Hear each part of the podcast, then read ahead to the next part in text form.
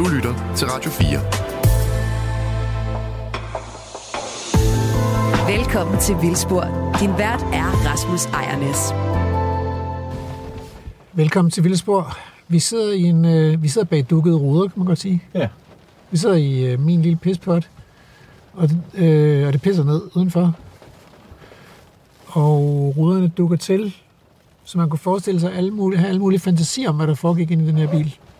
Men det, der foregår, det er, at vi skal lave et radioprogram, der hedder Vildspor. Der er ikke nogen, der kører forbi nu alligevel. Der er ingen, der gider ud i det her der. Det er, det er søndag.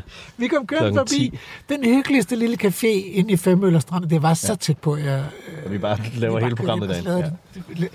Men øh, i regn og sne må posten ud. Øh, I regn og slud hedder det. Ja. Ja. Posten ud. Vi skal, vi skal se nærmere på, hvordan øh, naturen ville have set ud, hvis der ikke havde været mennesker. Så det er en meget god dag i dag, hvor der ingen mennesker er ude. og, øh, og anledningen til det, det er, at der er udkommet et nyt studium i Science Advances øh, med Elena Piers som første forfatter, Jens Christian Svending som sidste forfatter. Hun var hans øh, PhD-studerende, mens hun lavede det her studium. Og, og så derimellem øh, 35 andre forfattere, fordi øh, studiet går ud på at finde alt, hvad man kunne skrave sammen om europæiske, europæisk vegetation i sidste mellemistid. Og vi er jo nogle 100.000 år tilbage, så det er jo ikke sådan noget, man lige... Der er ikke landskabsfotos og den slags, men der er pollenanalyser fra aflejringer i søer, hvor pollen har lagt sig, hvor man kan studere, hvordan sammensætningen af pollen var. Og sammensætningen af pollen, det handler jo om, øh, om de her øh, vindbest, eller vindbestøvede arter, altså ikke dem, som bliver bestøvet af bier og sommerfugle, men dem, der bliver, hvor pollen bliver blæst rundt af vinden. De producerer nemlig så meget pollen, at man kan finde det her pollen i aflejringer og, og udtale sig om, hvordan sammensætningen af vegetationen har været. Om den har været domineret af vindbestøvede træer, eller om den har været bestøvet, øh, domineret af vindbestøvede urter, og her er det jo især græsser. Og så kan man se på, hvad det er for nogle træer. Om det er, om det er skyggetræer, som for eksempel bøg, øh, ahorn, lind, eller om det er, og lind er jo et insektbestøvet, øh, så den, den vil man nok ikke finde så meget af. Eller om det er lystræer som skovfyr og hassel og e, som også spreder på den. Og det, de har fundet øh, i det her studium, det er, at i sidste mellemistid, øh, de, har, de har kigget på 96 øh, øh, pollenanalyser, øh, pollenserier, og fundet ud af, at der sådan ret konsistent er øh, mere end 50 procent dække af det, de kalder lysåben vegetation eller lysåben skov. Altså lys skov præget af lystræer, der ikke trives i skygge. Øh, det vil sige, at forestillingen om, at den naturlige natur uden mennesker vil være mørk, skygget, tæt højskov, er, øh, passer ikke. Og det havde vi nok en anelse om, fordi der er så utrolig mange arter i vores natur, der er knyttet til, øh, øh, til lys, skov og lysåben natur. Øh, og hvor skulle de være kommet fra, hvis ikke de havde haft et levested også i et længere tidsperspektiv? Øh, deres evolutionære historie er jo meget, meget ældre end det moderne menneske. Så, øh, og det vi så sat os for, det skal vi da undersøge. Hvordan ser det ud i virkeligheden? Er det, er det kontroversielt at sige, at, øh, at, at man ikke havde regnet med, med det? Altså, altså man kan sige, at i den danske naturforvaltningsdiskussion, der har der været et gammelt dogme om, at, at skoven, den tætte skov, urskov, var klimaksstadiet. Mm. Det dogme er blevet øh, anfægtet i mange årtier, vil jeg sige. Så på den måde er det ikke nyt. Men det er stadigvæk sådan, at man hører udsagnet, Danmark er et skovland. Og, øh, og det betyder jo også, at, at vi har for eksempel som en væsentlig del af den danske øh, biodiversitetsstrategi, regeringsbiodiversitetsstrategi, at vi skal have mere urørt skov. Ja. Øh, og så bliver det jo pludselig interessant og relevant at diskutere eller forholde sig til, hvad, hvad er urørt skov? Og, øh, og en af grundene til, at det er spændende, det her og relevant også, det er, at vi har, vi har jo lavet et landskab, som er øh, bestemt af mennesker, og et landskab med nogle meget skarpe skæld, hvor vi på den ene side, så har vi skov, og der gælder skovloven, og der må man ikke have græsne dyr inden, og man, skal, man må ikke, altså, man skal plante igen, hvis man fælder og sådan noget. Så der skal det som være træer. Mm. Og så har vi det lysåbne landskab, hvor, hvor der skal vi med naturplejen, så skal vi forhindre, at der kommer træer og buske. Så så får vi sådan en skarp skæld mellem det lysåbne landskab, og vi kan jo se det. Altså bortset fra, at det er lidt svært at kigge ud af vinduerne her, men mm. vi, man kan jo godt kigge ud på det landskab foran os, og så konstatere, at der er nogle lysåbne overdrever enge, og så er der deroppe i et skovbryn, og så kommer skoven, ikke? Ja. Øh, Har vi egentlig sagt, hvor vi er henne? det er jeg ikke sikker på. Nej. Men vi sidder og kigger ud på statens arealer i Mols Bjerge, og vi har parkeret bilen lige på Strandkærvej mellem statens arealer og Mols Laboratoriets arealer. Ja. Og vi skal ind på Mols Laboratoriets arealer, og det skal vi, fordi det er jo der, man lader naturen, har sluppet naturen fri siden 2016. Øh, på statens arealer, der laver man stadigvæk naturpleje. Mm. og det er jo spændende at sammenligne de her, det her studie fra sidste mellemtid med, med det, vi kan observere i, nutid, i nutiden. Altså, der skal jo helst være en, en, en, over, en nogenlunde overensstemmelse, og, og der, hvor der er forskel, så kan man jo diskutere, hvad er så, hvad er så årsagen til, at der alligevel, det alligevel ser lidt anderledes ud her. Og vi ville, det ville have været sjovere, hvis de havde opgivet, øh, hvis de havde rewildet øh, Mols Laboratoriets arealer i 1916 Ja. end i 2016. Fordi syv år, det er jo ikke lang tid til at observere, hvordan balancen mellem forskellige træer, buske og lysåben vegetation udvikler sig. Det vil jo gå lang tid, før, det ligesom, før man ligesom kan se, hvordan, hvordan det kommer til at se ud, hvis man lader det passe sig selv i 100 år. Øh, men ikke desto mindre, så er der nogle ting, man kan se inde på området allerede nu, øh, som jeg synes, vi skal gå ind og kigge på. Og vi, vi har interviewet en af forfatterne til studiet, nemlig professor Jens Christian Svending fra Aarhus Universitet.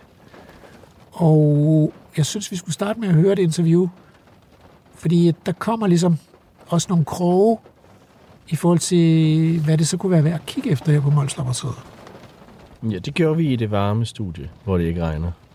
Det var en dejlig dag. Ja. Den kan vi mindes tilbage til Ja. med Når vi, glæde. og vi lige om lidt skal ud i det her. Vi er nødt til lige at tjekke den der øh, nedbørsrater ja, og se, om Ja. der kommer et lille ophold i vejret, fordi Ja. Det er ikke godt, det her. det er altså ikke godt.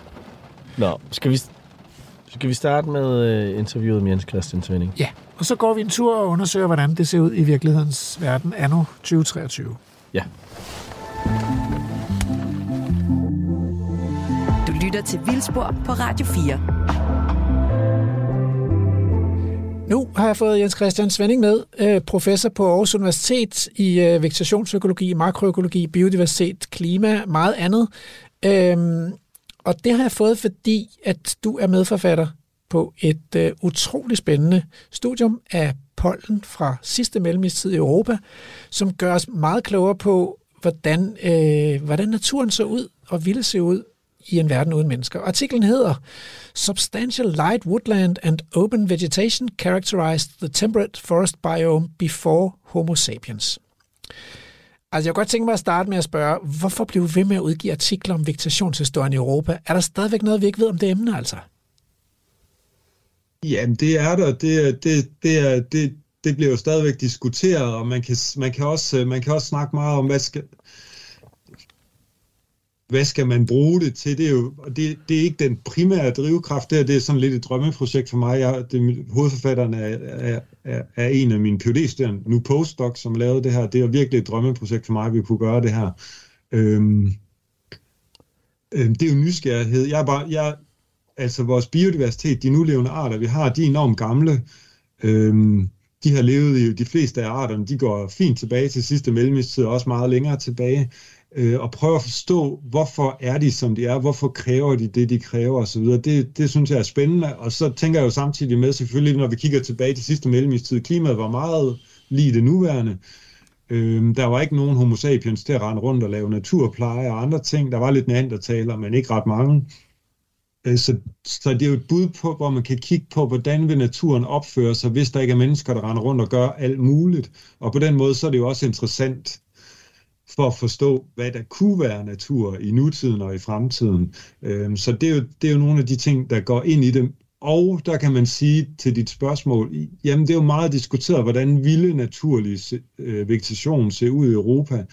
Rigtig mange går ud fra, at det ville være tæt skov langt de fleste steder, medmindre man kommer ind på stepperne, eller hvor det er meget koldt. Øh, og det er jo også ligesom en baseline for, for en hel del naturgenopretning, masser af genskovning og så videre, at det er sådan, det skal se ud. Øh, og så er der nogen, der har talt imod det i, i, i et par årtier eller mere. Øh, og, og så videre. Så det, og der har været en masse diskussion om det, som et eller andet sted øh, stadigvæk kører, så det var grunden til at, at gå ind i det. Så jeres artikel øh, gør os klogere på vores øh, fortid, men indgår også i en, i en ongoing videnskabelig øh, samtale og debat om, hvordan naturen har set ud. Øh, og jeg skal lige nævne, at det er Elena Pierce, som er første forfatter på artiklen. Det var, som du har nævnt, hun var phd studerende hos dig. Men, øh, men hvorfor har artiklen, altså jeg tror, jeg talte 37 forfatter, altså hvorfor skulle det være nødvendigt? Er det så svært at tænke, tænke sådan en artikel frem? Jamen, det er det egentlig. Du kan, du kunne prøve at snakke med Elena. Hun har godt nok brugt lang tid på at få dataen op og stå til det her. Ja. Øhm, jamen, det, det er det. Altså, nogen, noget af dataene lå sådan rimeligt nemt tilgængelige i eksisterende databaser, men rigtig meget har været detektivarbejde, og via netværk af pollenforskere finde frem til dem, der, der har lavet undersøgelser for den her periode, eller kommer fra institutioner, hvor de tidligere har gjort det, og måske havde dataen og så videre rundt omkring i alle mulige europæiske lande. Så der har været en masse detektivarbejde, en masse sådan lidt diplomatarbejde for og, og, få, og finde frem til de her data og, og få adgang til dem. Og så har vi selvfølgelig også øh, involveret folk i arbejde efterfølgende, fordi det er jo folk, der rigtig de fleste af medforfatterne er pollenforskere, som kender til metodikken inden for feltet og og hvad man skal passe på, og selvfølgelig kender til deres område osv., så, videre, så det har også været meget værdifuldt at have folkene med på den måde. Okay, kan du sige lidt om, hvad er det, I har undersøgt, og, og hvorfor har I lavet ligesom afgrænset studiet, sådan som I har? Jamen, vi har undersøgt øh, data fra gamle pollenprøver fra sidste mellemistid. Så pollen, det er jo det her støv, som planterne sætter ud som, så, i forbindelse med deres reproduktion, og som, som bliver spredt rundt, øh, det er især for de vindbestødte arter, bliver spredt rundt i, med vinden og, og lander, i, lander alle mulige steder, men så kan blive bevaret typisk i moser eller søer eller, eller lignende. Og hvis man så er heldig, så, så kan det blive bevaret gennem lang tid. Og, og man har så, vi, det lykkedes os at finde frem til, til næsten 100 relevante lokaliteter med den slags data fra, fra, fra, fra sidste mellemistid. Og vi tog fokus på sidste mellemistid, fordi at det er den nyeste periode med et klima, et mildt tempereret klima i meget Europa, meget af det nuværende, Øh, men den nyeste sådan periode, øh, før det moderne menneske kom ind i spillet, og på den måde så er det vores bedste bud på at kigge på, når, hvordan fungerede naturen før homo sapiens var og lavet om på alting. Og du siger, det er meget skægt, fordi du, du plejer, jeg plejer at høre dig sige, at, at en, det var sådan en, en periode, der var lidt varmere end vores nuværende mellemistid. Men det du holdt op med at sige, det sidste gang, jeg har talt med dig, der har jeg hørt dig sige, det var omtrent det samme. Er det simpelthen klimaændringerne, der, Jamen det er det, hvis man kigger i den nyeste IPCC-rapport. Altså, der er, der, altså før årtusindskiftet helt sikkert, der anskud man en tiden som lidt varmere end nutiden, men, men med den nyeste IPCC-rapport, så, hvor de siger, at det sidste årti er det varmeste i 100.000 år, øh, wow. og tilsvarende varmt som en. Og det er selvfølgelig så, altså der er jo nogle, altså hvor hen i verden benchmarker man lige det og så videre, men mm. øh, vi er vi er meget inden for, for den ramme nu, vil jeg sige. Meget tæt på i hvert fald i Danmark, og globalt er vi inden for rammen. Okay, men altså sådan øh, øh, kort fortalt, hvad, hvad, er så, hvad har I så fundet ud af? Hvordan så naturen ud? Jamen, den var utrolig varieret, kan man sige. Det, vi har fundet ud af, det, det er, og det skal lige siges, at den her periode, også, den var over 10.000 år. Vi kigger på kernen af sidste mellemistid, hvor, altså kerneperioden, hvor der var sådan et varmt, mildt øh, klima, og det er over 10.000 år, så har vi kigget på den første halvdel og den sidste halvdel af den, og det vi, det vi finder sådan overordnet set, det er, at øh, det var et meget det var meget varieret vegetation, der var rundt om Europa, og et meget blandet vegetation, man kan kalde et meget blandet skovlandskab med meget stort indslag af lyskrævende træer og buske, og betydelige arealer, også af helt åben vegetation. Så et meget blandet, blandet landskab. Øh, øh, ikke de der totalt tætte mørke skove, som, som man ofte forestiller sig, som man egentlig ville forudse ud fra sådan noget plantekonkurrence og klassisk successionsteori og den slags, øh, men meget mere blandet og med meget større indslag af, af lystræer, buske, blandt andet så finder vi jo nogle, nogle, nogle meget store arealdækker, med hassel, simpelthen estimeret dække af hassel i den første periode er i gennemsnit en tredjedel af landskabet, og den sidste del af perioden 20 procent cirka. Øhm, og det er jo bare en stor busk, og det er jo, det er jo, synes jeg, sådan lidt sindssygt at forestille sig, hvordan det har set ud med kæmpe store arealer af sådan noget hassel, der er stået der. Hvordan kunne det lige lade sig gøre, og den slags, øh, som bestemt ikke øh, klassisk skov i hvert fald. Og og, og så er der, vil der nok være andre end mig, der sådan tænker, hvordan er det lige, man kommer fra? Man, man har nogle lag med nogle pollen, ikke? Og, øh, og så kommer man til at sige, hvor stor en del af landskabet, der er dækket af den, den, den ene vegetationstype og den anden vegetationstype. Altså, kan det forklares? I skriver noget om, I bruger en, en model, I kalder reveals. Øh, hvordan oversætter man pollenaflejringer til, til vegetationsdække? Jamen det er jo et eller andet sted, så er det jo hele kernen i pollenforskningen, som jo har over 100 år på banen, som Danmark har været øh, i begyndelsen af det 20. frem til midten af det 20. århundrede, var virkelig ledende i øh, at lave den oversættelse. Fordi hvis man finder 30% skovfyrpollen og 50% øh, mjødeurtepollen og noget andet i sit i, si, i, si, i, sit, i sin sedimentprøve, man ikke ved, hvad det svarer til ude i landskabet, ikke kan omsætte det, så er det jo ikke særlig nyttigt. Så det er jo den omsættelse, man har brug for at lave. Øh, og, og der har man så i den her reveals-metode, som ikke er os, der har fundet på, det er, det, det er en metode, der er blevet udviklet inden for det her pollenforsknings-community øh, øh, helt tilbage i nullerne og er blevet en standardmetode. Øh, der, der tager man sådan nogle ting ind, som øh, hvor, hvor meget pollen de forskellige arter laver, og hvor langt det spreder sig, og man har og den slags ting, som kan, som kan forvanske oversætningen fra bare procenter til areal, procentpollen til bare til arealdække.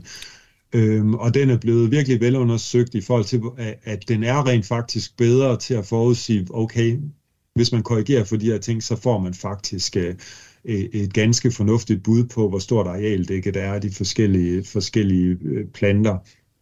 Det er et forbløffende tykt lag af fyrepollen, der ligger på mit sommerhus nogle gange, når jeg kommer, når jeg kommer derop. Okay. Øh, men så mange fyretræer står der faktisk ikke, så det, det, det, jeg kan godt forestille mig, det er nødvendigt at have en oversættelsesnøgle.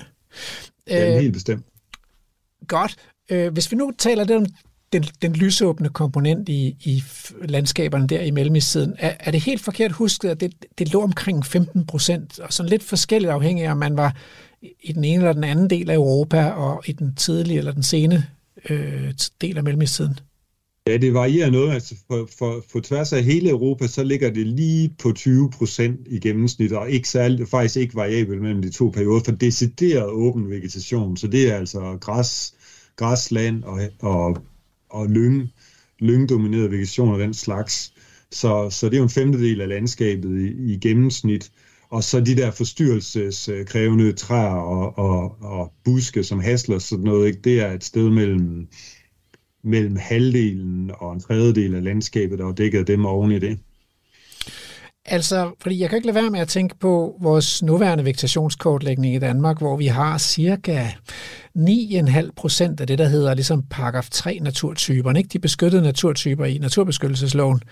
Så det vil sige, at selv i sådan et åbent kulturpræget landskab, som vi har i dag, har vi faktisk mindre levested for de arter, der er, er afhængige af den her lysåbne naturtyper, som græsland og hede og eng og overdrev og moser og sådan noget, end der ville have været naturligt. Ja, den helt sikkert, og man skal også passe på ikke at, hvad hedder det, fejlfortolke det der, altså Altså, og, altså det er jo noget, det er, det er noget af det, som jeg, jeg tænker, vi kommer til at arbejde videre med de næste år, som er, er, er åbent spørgsmål. Altså, hvad, hvordan var strukturen mere præcis?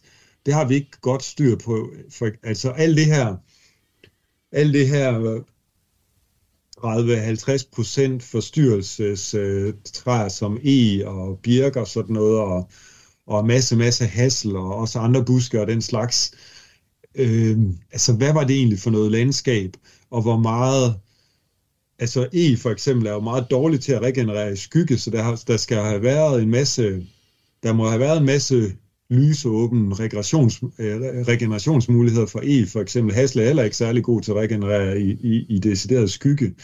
Øh, så, så jeg tænker, at inde i den, det arealdække, som, de her, som er med de her forstyrrelseskrævende træer og buske, der har også været masser af lys på den ene eller den anden måde.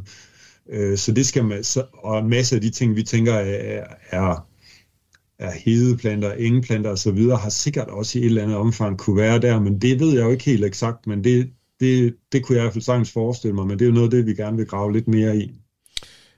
Det er, øh, det er spændende. Altså, vi har jo faktisk en, et dusin skovlevende dagsommerfugle, som er uddøde fra de danske skove i takt med, at de ligesom er kommet under et forstligt, forstligt regimente, men som åbenbart har trivet i, trives i fortidens skove med lysninger og, og lys ned igennem kronendækket. Øhm, så det er jo mega interessant, hvordan de har set ud. Nu, nu sagde du lidt om den lyse skov. Jeg forestiller mig, det er så birk og, og hassel og e, der kendetegner den lyse skov. Men hvad med den tætte skov? Hvordan, hvad er det for nogle træarter, der kendetegner den så i Europa, eller, eller gjorde i EM? Jamen, det er jo selvfølgelig for, forskellige arter, men, men en art, der er, er meget fremherskende i, i store dele af Europa, det er, det er avnbøgen.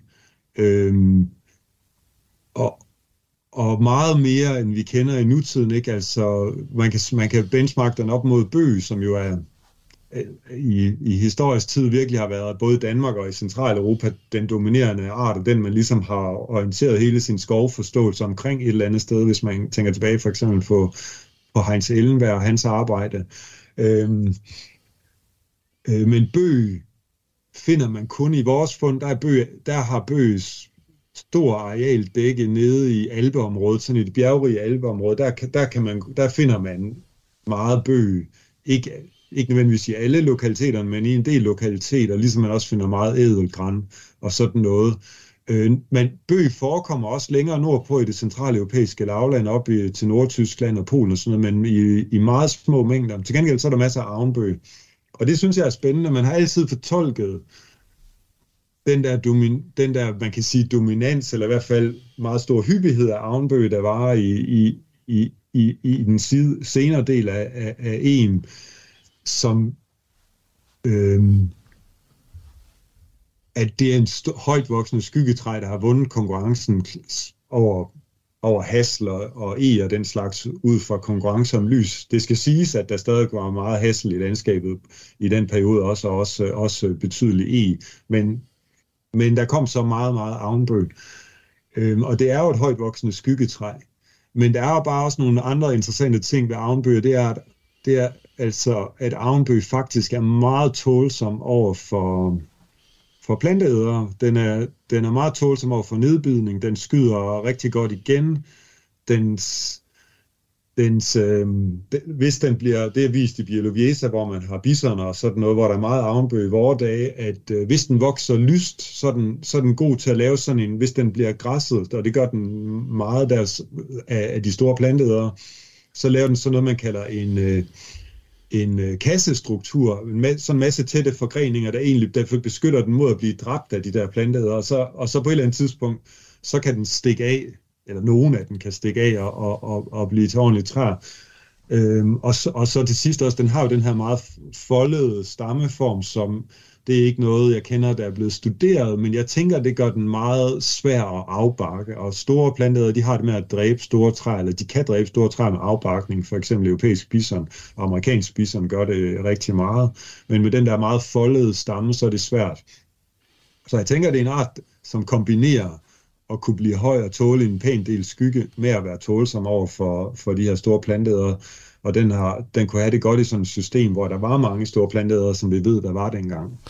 Så lad, jeg vil gerne tilbage til det der med, hvad der, har, hvad der har skabt den situation, men først kunne jeg godt lige tænke mig at så sige, bare for min egen forståelse, altså det her med, at der er 15 procent af det ene, og 50 procent af det andet, og 35 procent af det tredje og sådan noget, det er meget skægt, fordi inde i mit hoved, så bliver det til et landskab, der er kasseopdelt, hvor man så har den tætte skov for sig, og den lyse skov for sig, og, og det tror jeg måske er shifting baseline syndrom. Det er måske fordi, jeg er vant til, at, at der er nogle mennesker, der ordner landskabet ikke? Øh, i sådan nogle kasser, ligesom vi har gjort i Danmark med det skarpe skovskæld, og så har vi de lysåbne naturtyper, heder og overdrev og eng og sådan noget.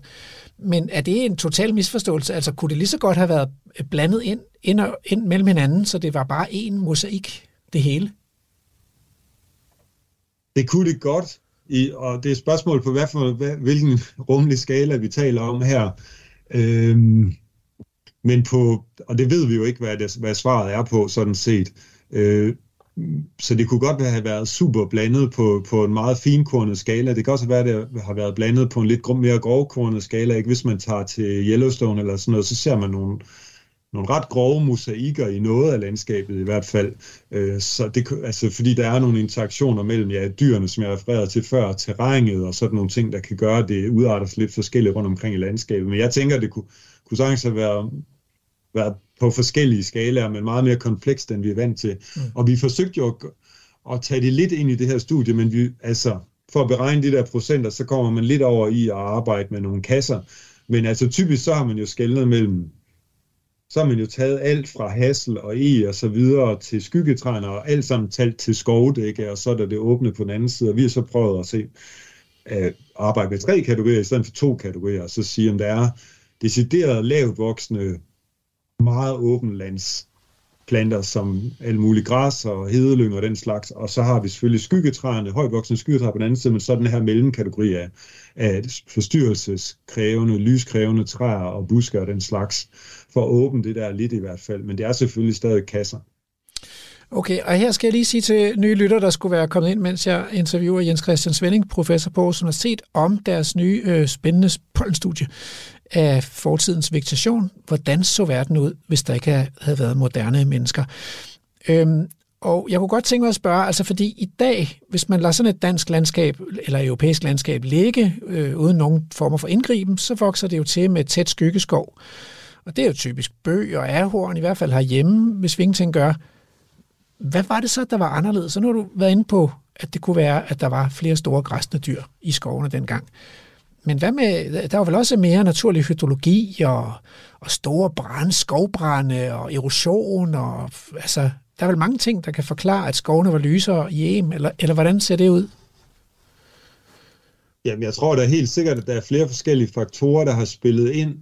Øhm, jamen, bare lige for at prøve at gå dem igennem fra en ende af. Øhm, og jeg tager den bagfra der kan sagtens være dele af systemet, hvor der har været mere ildebrand, end, end vi er vant til. Et tidligere studie, som øh, baseret på billeder, som vi lavede i England sammen med dig, blandt andet, ikke? der kiggede vi faktisk på, om der var nogle billeindikatorarter fra sidste mellemistid, øh, og vi kiggede også på det fra tiden efter sidste istid, i jægerstenalderen efter sidste istid, og vi fandt bille vi fandt brandindikatorarter blandt billerne fra efter sidste istid, men vi fandt ikke nogen under sidste mellemistid. Så der var i hvert fald ikke noget der, der lige tydede på, at der har været noget særligt ildebrand i systemet. Øhm, og jeg kender generelt set ikke til nogen studier, der har peget på noget, der tyder på masse ildebrand i systemet i, i sidste mellemistid. Det skal også siges, at en, en art som tax var meget mere udbredt i sidste mellemistid end i den nuværende mellemistid, og den er meget brandfølsom. Øh, så de taler også imod. Så jeg hælder til, at der ikke været sådan, altså som en stor generalisering, voldsomme mængder af brand i systemet. Det kan sagtens have været, at der har været nogle bestemte steder. Øhm, øhm, og derudover, så er, det, så er det så det med naturlig hydrologi. Ja, det har der været meget mere af, så både sådan forstyrrelser fra frit løbende floder, kan man sige, og også på lidt mindre skala, er ikke meget mere forsumpning og sådan noget, som har kunne, som har kunne lave noget, noget, noget for, forlysning, men alligevel ikke, så er det jo altså vores erfaring med våde og vådere områder i Danmark, det er jo også, at de vokser jo altså også til. Så får man øh, ellesump og, og, ja. og den slags, ja. Og det skal siges i vores undersøgelse, der talte vi jo, der talte vi jo ellepollen og askepollen med blandt skyggetræerne, fordi at det er jo, det er jo ikke skygge tålende træer, men det er træer, der kan klare sig i et landskab, domineret af skyggetræer, fordi for ellens vedkommende, at den kan vokse meget vådt, og for askens vedkommende, fordi den kan vokse også meget vådt, ikke helt lige så vådt, men meget vådt, men der var så den god til at regenerere i små træfaldskabs i skov. Så dem, dem talte vi med blandt skyggetræerne, fordi vi ikke mener, de, de kunne godt være, eller vi mener, de kunne være konsistente med skyggeskov. Øh, så det var bare for at være konservativ. Okay. Og så det sidste selvfølgelig, det var så det med dyrene. Jamen altså, det, det er jo oplagt at komme til at tænke på dyrene, fordi at der var en enorm rig fauna af store planteæder i sidste mellemistid, og ligesom der har været i millioner af år frem til her for nylig, kan man sige. Der var elefanter, der var næsehorn, der var bisoner, der var uokser, der var heste, masser af heste har man fundet faktisk, øh, og alle mulige hjorte selvfølgelig, inklusive kæmpe hjort og elstyr og, og kronhjort og sådan noget, men masser af, masser af, pl- af planteder, og, og, og lige snart man kommer ned i sådan i, i rin området og den slags, så er der også flodheste endda samme art, som der er i Afrika i dag, selvom at klimaet var alle det nuværende. Men elefant og næsehorn kan man jo fokusere på som nogle kæmpe store planteæder, der var der. Øhm, og det er jo oplagt, at de her kunne være store forstyrrelsesagenter i de her systemer. Det er jo faktisk meget sjovt, at det første, som det moderne danske skovbrug gjorde, det var, at de smed dyrene ud af skoven. Altså, det, så, så drænede de den så også bagefter, ikke? Men, men det første, det var ligesom, at dyr, nu skulle, den, nu skulle tømmerproduktionen have fred for græsne dyr. Øh, så det, det er faktisk det, fredskov betyder. Men, men godt, nu kunne jeg godt tænke mig at få lidt perspektiv på, hvad betyder jeres studie så for, for vores naturforvaltningsstrategi i Danmark? Hvad kan vi lære af det altså? Jamen flere ting. Jeg tænker, for det første, så synes jeg, det viser, at, at hvis vi, beviser, at, at fra, fra naturens egen hånd, så har vi haft et meget varieret, øh, meget varieret vegetation i Europa, og sandsynligvis også i Danmark, øh, og, og man kan kalde det sådan et meget varieret skovlandskab med store indslag af lysåben krat og skov og deciderede åbne områder. Og det passer jo med den biodiversitet, vi har, hvis vi kigger på vores planter eller vores insekter osv., det, det vi har i dag, inklusive de gode naturområder, ikke, det passer rigtig godt til det. Og det vil sige, at vi får lidt en forklaring på, hvorfor det er sådan, kan man sige.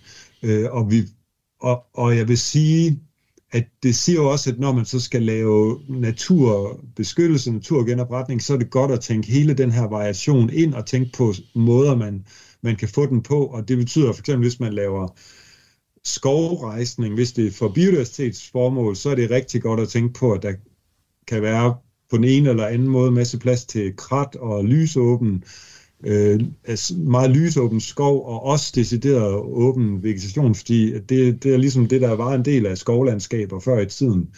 Øh, og så er det selvfølgelig, og det beviser vores øh, specifikke studie her jo ikke, at, at det var de store dyr, men det, dog meget konsistent med det, og det er understøttet af andre, andre typer af undersøgelser, blandt andet det billedstudie, vi snakkede om før, men også mange andre ting, og det er understøttet af, hvordan store dyr virker ude i naturen i dag. Så det er jo et oplagt bud på, hvordan øh, det kan virke. Så det er jo en rigtig god idé at tænke de store dyr ind i det. Vi ved, de har positive effekter øh, ved deres interaktion med vegetationen, også ved andre typer økologiske effekter, de har. Og det er jo et godt bud på, at det er dem, der har været på spil også øh, før i tiden. Øhm, så, så på den måde, så kan man sige, det bidrager bare til at sige, at det er en god idé at tænke de store dyr ind i vores naturforvaltning. Og det kan man sige, at det har man så også gjort med de her naturnationalparker, eller i hvert fald med, med visionen om dem og loven for dem. Men, men der er jo et andet stort initiativ, altså jeg ved ikke, naturnationalparkerne, det er vist 5-26.000 hektar, der er planer om. Men så er der jo de urørte skove, altså hvor vi skal op på 75.000 hektar. Øh, men der har man jo ikke tænkt de øh, store dyr ind. Hvad tænker du om det? Altså, kommer de så til at mangle i de her skove, så vi får nogle unaturligt skyggede skove? Ja, det tænker jeg da helt bestemt, der er en stor risiko. Øhm, og man kan jo bare tænke på, hvis man har en skov, hvor man er så heldig, der er nogle gamle egetræer. Øh, det er jo ikke så mange steder, hvor det rent faktisk gælder i Danmark, men, øh, men altså, så er det jo en stor risiko for i, i sådan et system, at de bare bliver skygget ihjel faktisk. Øh, og her tænker jeg på sådan nogle store brede egetræ, der, der går tilbage i øh, mange hundrede år, ikke, som der selv er nogle af rundt omkring. Og hvis man kigger lige over sundet til Sverige, så ser man mange flere af dem. Øhm, men de kan jo få et kæmpe problem, hvis de bliver overvokset af, højt, af, af, af skyggetræs, ahorn, bøg og så videre. Det trives de ikke med. Øh, og altså, jeg vil sige, at, at det ideelle vil være, hvis man siger urørt skov, som jo har øh, som jo i høj grad er med biodiversitetsformål, så burde det være så burde man automatisk have lov til at lave, at lave naturnær græsning, naturlig, etablere enten helt vilde naturligt levende planteder bestande i, i de systemer, eller have et naturnær græsning, som kommer meget tæt på. Og naturnær betyder selvfølgelig også, at det i, nat, i sådan naturlige tætheder, det vil sige ikke over kæmpe store tætheder, som man gør i produktionsbrug, øh, men heller ikke sådan... Øh, men i nogle tætheder, der, der alligevel gør noget, det burde man sagtens skulle få lov til, øh, i sådan, fordi det vil være fremmende for biodiversiteten i sådan nogle systemer. Nu er der jo ikke så mange steder i Danmark, hvor man kan se naturlige tætheder af store græsne dyr og naturlige vegetationsprocesser, men jeg har talt med Andrew om at tage ud på Mols Laboratoriet og simpelthen kigge på det derude. Er der et eller andet, vi skal kigge efter, som du tænker, at øh, det skal I lige holde øje med, fordi øh, det har lidt øh, relationer til det studie, som, som I har lavet her? Jamen, der kunne være mange ting. I kan jo for eksempel prøve at holde øje med, hvor at I kan se, at der kommer, at der kommer opvækst af e. Jo, og jeg tror stadig, man kan være, altså, der, jeg sidder lige og kigger på nogle egetræer her, der stadig har blade på, så man kan nok godt stadigvæk se det. Øh, der ved, og måske hassel, det er det spændende, hvor de kommer op i landskabet. Det kunne I jo prøve at lægge mærke til, for eksempel. Øhm, og så kan I jo prøve at lægge mærke til, om øh, I kan se nogen interaktion mellem dyrene og træerne derude. Om dyrene gør noget ved træerne i det system der. Så der er ingen elefanter, men vi må foreløbig klare os med øh, heste og køer. Jens Christian Svending, tusind tak for at gøre os klogere, og øh, kan du ikke sende øh, vores øh, taknemmelighed videre til Elena Piers for det store arbejde, hun har lagt i den her artikel? Det skal jeg nok, ja, men det, det er super imponerende, det skal jeg nok sige videre til hende. Du lytter til Radio 4. Så er vi i gang.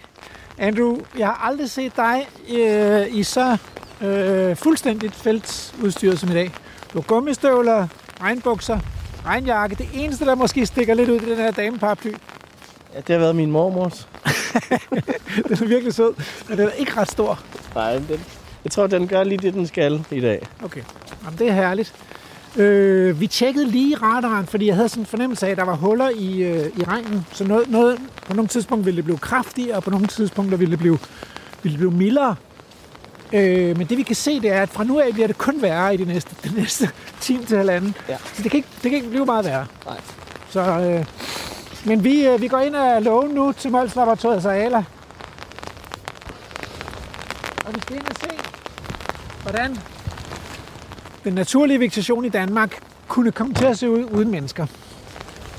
Altså hvis det så bare i det mindste ikke blæste, men altså det er jo... Ja, men vi, vi må så prøve at se, om vi kan finde lidt læ. Ikke? Øh, det er jo det gode ved, at der er træer og buske. Det her, det er jo et øh, lysåbent græsningslandskab, men allerede nu, når vi kommer herind, kan vi se, at buskene og træerne udgør en ret stor del af landskabet. Der står spredte egetræer, øh, og de er jo selvfølgelig vokset op, inden at øh, man satte græsning på. Så det er lidt snyd med de der store træer, men det er også lidt fedt, ikke? Og så står der en hel del øh, opvækst af gyvel, allerede her, når vi kommer ind, og den er i gang med at, at have sin anden blomstring i år. Det var lidt sjovt der. Små øhm, gule blomster. Små gule blomster. Så er der brumbær. Det er jo også en, øh, en vedplante. Øhm, og så er der så sådan nogle lysåbne partier, hvor der også er lidt enebær i øvrigt. Øh, der står nogle roser. Og roser, enebær, gyvel, de er på en eller anden måde, og, og brumbær, de beskytter sig selv imod græsne dyr med torne eller med giftstoffer, så de ikke bliver et op, om jeg så må sige. Øh, det har bøgetræerne ikke på samme måde, eller egetræerne ikke på samme måde. Og vi kan se, om vi kan finde nogle små egetræer, der ligesom ikke har snydt og er kommet op, inden græsningen kom på. Der står en, en, en stor tjørn, den er virkelig blevet stor. Også en af dem, der kan beskytte sig selv, og som hører til i sådan nogle græsningslandskaber. Så står der et, øh, bø, et lille bøgetræ herinde med en øh, helt anden farve løv. Det er jo efterår, og øh, bladene er, man kan høre, at vi går her og i øh, løse, løse blade. Bladene er i stort træk faldet af træerne, men, men, øh, men dem, der sidder tilbage, er smukt efterårsfarvet. Altså, prøv at høre. Øh, har vi sagt, at vi er på Mols Laboratoriet efter Christian Ja, Christian? altså, jeg har lige sagt, at vi er på Molstop, og gået ind og låne. Ja, Men, øh, men altså, øh, min, lad os min lige... hjerne fryser til is øh, af det her vejr her. Ja, men det forstår jeg godt. Så, så lad os rekapitulere, at vi er på Mols Laboratoriet for ja. at undersøge, hvordan øh, naturen kunne se ud uden menneskelig indgriben. Her har man lavet naturen passe sig selv siden 2016. Og øh, under græsning af store dyr, en flok Galloway-køer og en flok Exmoor-ponyer, øh, som, som ikke bliver, hvad kan man sige, de bliver ikke passet, de bliver ikke fodret, så de skal selv finde alt deres mad i økosystemet. Og, øh, og man blander sig ikke i, hvor mange dyr der skal være. Øh, øh, undtagen, når man er nødt til det, fordi der mangler føderessourcer til dyrene. Ikke? Så tager man dyr ud, øh, inden de sulter. Og det skal man efter dyrevelfærdsloven. Øh, men lige her, der er jo faktisk nogle små, små bøgetræer. Øh, Ja. Og det synes det var, det var nemlig lidt nysgerrig efter. Øh, Hvor, hvorfor det? Jamen altså, der er jo, der er jo et her, det, det er jo ikke mere end øh, 20-25 cm højt. Så er der et der, det er en halv meter højt, og en halv meter, og det der, det er to meter højt. Det er bare for, fordi øh, i den der pollenanalyse, som øh, Piers et al. har, har, har udgivet, øh, der var der ikke ret mange steder, hvor der var en væsentlig andel af bøg. Okay. Og det er jo ret overraskende, fordi, fordi bøg er virkelig et træ, der er i stand til at konkurrere om lyset. Øh, og nu kan vi jo, det er faktisk en bøgeskov, så det er jo meget naturligt, at de små træer står her, fordi der også er store bøgetræer her. Øh, og vi kan prøve lige at kigge ind i den der øh, bøgeskov. Men det er jo en skovtype, der fylder en, en hel del i, i det danske skovbrugslandskab. Og, øh, og, og bøgen er et skyggetræ, og det betyder, at, at spøg er meget effektiv til at lukke lyset ude af skoven. Øh, sådan at hvis man er en, øh, en, øh, en lille plante, så skal man, øh, så skal man ligesom øh, sørge for at være hurtigt ude i det tidlige forår, inden bøgen springer ud, som for eksempel anemoner og øh, anemoner og lærkesporer og den slags, der, der har deres blade i det tidlige forår. De, er, de har opsamlet deres næring i en knold, så de kan skyde lynhurtigt, lige så snart frosten går i jorden. Og så kan de nå at blomstre, mens bøgen folder sine blade ud. Og når så øh, bøgen effektivt har slukket for lyset, øh, så er de færdige, og, og så venter de ligesom, så, så behøver de ikke så meget lys til øh, resten af året. Nu står vi i bøgeskoven her, og, øh, og lige i dag der er der jo relativt meget lys, fordi bøgen har smidt sine blade. Men, øh, men midt om sommeren, når der er fuld, fuld blade på, på bøgetræerne her, så er der virkelig mørkt. Og de fandt altså ikke ret meget bøg. Det vil sige, at af en eller anden grund, så har bøgen haft svært ved at, at vinde dominans og vinde indpas i sidste mellemistid. Og, øh, og Jens Christian foreslår jo selv, at, at det er fordi, den er græsningsfølsom, bøgen. Øh, så hvis der er et højt græsningstryk, så bliver bøgene simpelthen spist væk. Og øh, den vil også altså, være inden de følsom. når at, at vokse så større. Ja, plus at, øh, at det er relativt nemt at, at, at barkskralde sådan en bøg. Vi kan gå ind og kigge på bøgetræet her. Jeg har jo en, øh, en glat bark. Øh, Ja. Især i dag, nu hvor det regner. Ja, en glat og blank bark i dag, hvor det regner. Øh, så, så det er forholdsvis nemt, hvis man har nogle gode horn, øh, så få hul på den der bark, og så få, få revet, eller knuppet, eller skrabet barken af, og så går træet ud. Hvor, hvor, hvor, hvorfor gør man det som, som, som kvæg? Det er jo, altså, man kan sige, øh, virkningen betyder, at der pludselig kommer lys til økosystemet, det vil sige, at, øh, at der kan begynde at komme og blive produceret øh, mad i urtelaget hernede, når der kommer lys ned til skovbunden. Men så lige nu, der har de græsne dyr jo ingen glæde af alt det der mad, der bliver produceret op i trækronerne. Så de så kan det- ligesom flytte, flytte planteproduktion, og det gør de jo ikke. Det, det har de jo ikke regnet ud, vel? Så, så, men, men, øh, men det kan være med til at forklare, hvordan den adfærd kan være opstået øh, evolutionært, at det, at det har vist sig at være en fordel, at man har den adfærd, at man skader træer og dermed får skabt lys til skovbunden og ny succession, som, som gør, at der bliver mere mad i økosystemet. Så, så det er noget, de har lært hen over tid, uden at vide, hvorfor de gør det. Ja, plus at om vinteren, når der ikke er så mange grønne blade øh, og friske grønne skud, så kan bark også være en kilde til næring og mineraler. Så der kan også være, altså, der kan også være noget indhold. Så man kan sige, at træets vækstlag, sådan et træ her, det består jo af utrolige, utrolige mængder af, hvad kan man sige, i virkeligheden af, af ikke levende og ikke aktivt altså øh, materiale. Altså hele den her stamme øh, er jo langt hen ad vejen bare en måde at få løftet alle sine blade op i lyset på. Øh, mens det er kun den, den yderste del af træet her, der sådan set er, er levende, ikke? det er vækstlaget. Og det kan indeholde en masse øh, interessante mineraler og næringsstoffer for dyrene, de græsne dyr. Nå, så kan vi øh, ud over øh, bøgeskoven, som vi står i her. Den er jo ikke helt mørk, for der står faktisk også et par, et par egetræer her ind imellem bøgetræerne. Og bøgetræerne er ikke sådan nogle, man ville være mega glad for, hvis man var skovdyrker. Øh, ah, nogle af dem er meget fine, men der er også øh, nogle af dem, der er grenet. Den der, den, er, den grener sig ret lavt over jorden. Det vil sige, at der har været relativt meget lys, da det, da det bøgetræ er vokset op. Øhm, der er så mørkt herinde, at der er ikke så meget opvækst af, af, af hverken buske eller træer herinde. Der er ikke så mange unge træer, det er mest gamle træer. Øh, men lige i kanten af bøgeskoven her, der så vi altså faktisk unge bøgetræer. Det kan man så tænke lidt over, om, om der også kommer bøgeskov i fremtiden, nogle af de steder her på Mols Laboratoriet. Det synes jeg er Men vi kan, ikke, vi kan ikke se tegn på, at øh, dyrene her har, har skrabet bark af. Nej, det har de ikke gjort.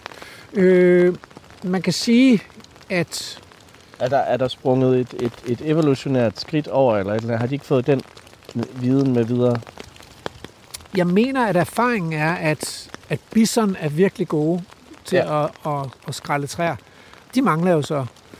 Øh, så er øh, dog, dårvild og, og, og, og kronvildt, altså krondyr og dårdyr, også gode til at, at feje og, og skrabe bark af træer. Og så kan man sige, at det kvæg, de okser, der er her på Mols Laboratoriet, de er uden horn.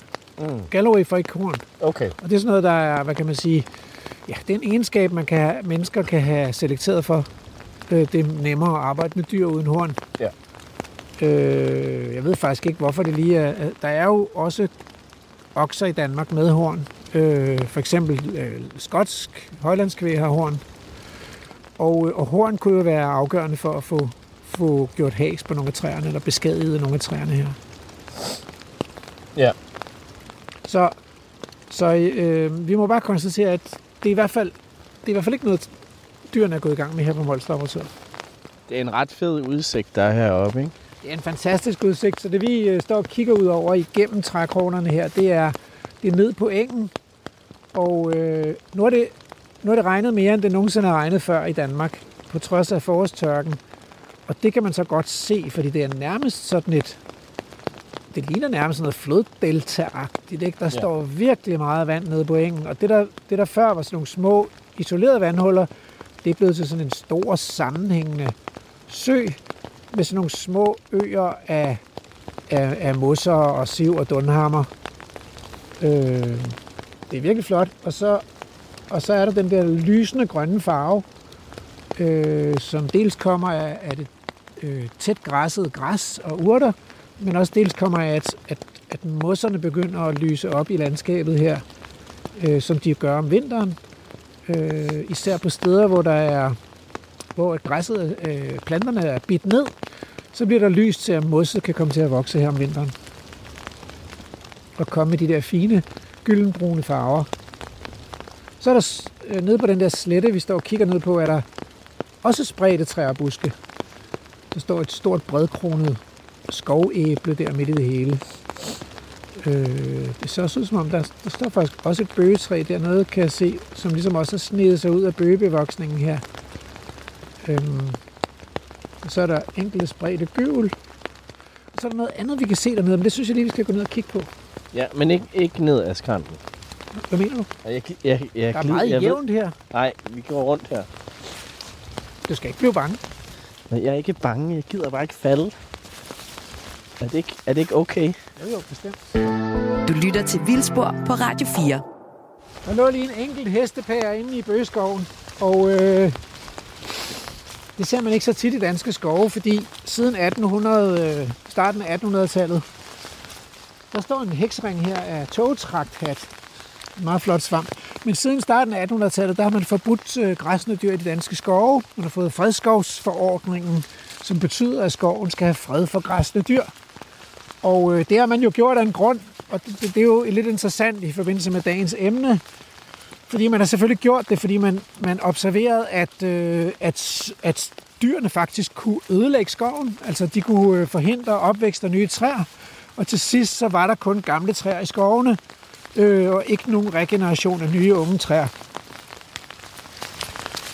Øh, og derfor så øh, forbød man græsne dyr i skovene. Så det var ligesom trin 1 i at få nogle skove øh, med en god opvækst af træer, der kunne danne tømmer til fremtidens krigsskibe øh, og byggeri i øvrigt. Så, så man kan sige, at, at øh, skovdyrkerne var øh, ret tidligt klar over, at, at store græsne dyr, det kan faktisk øh, medvirke til, at, øh, at skoven ikke forynger sig. Øh, så det er jo i virkeligheden lidt det samme, som, øh, som det, de har vist i den her øh, artikel fra med pollenanalyser fra sidste mellemistid, at, at hvis der er tilstrækkeligt mange græsne dyr, så kan man få sådan øh, et skovbillede, der er alt andet end, øh, end skovdyrkernes idealbillede. Altså lyse, åbne skove med bredkronede træer og masser af buske, og også helt åbne områder uden træer. Skal vi ikke hen til dyrene? Lad os, lad os uh, kigge på dyrene jo. Lad os gøre det. Der er lidt mere åbent derude, så det kan godt være, at uh, vi får lidt svært ved at holde på paraplyerne. Ja. Jo, nu skulle vi lige uh, derover os og kigge, fordi der er nemlig et andet lystræ, der vælter op. Og det synes jeg er meget interessant. De er ikke, altså, masser af skovæbler, der ligger under den der skovæbletræ, som dyrene ikke har ædt endnu. Det kan de ellers også meget godt lide at gå og guffe i. Men øh, Nej. når man, ja, det er det, jeg sagde. Ja. Når man lytter til, øh, til, øh, til Mortens fortællinger her, Morten D.D. Hansen, der er naturvejleder herude, når man lytter til hans fortællinger fra arealet, så, øh, så er meldingen også, at, at i år, der har aldrig været mere mad end i år, fordi det har regnet så meget.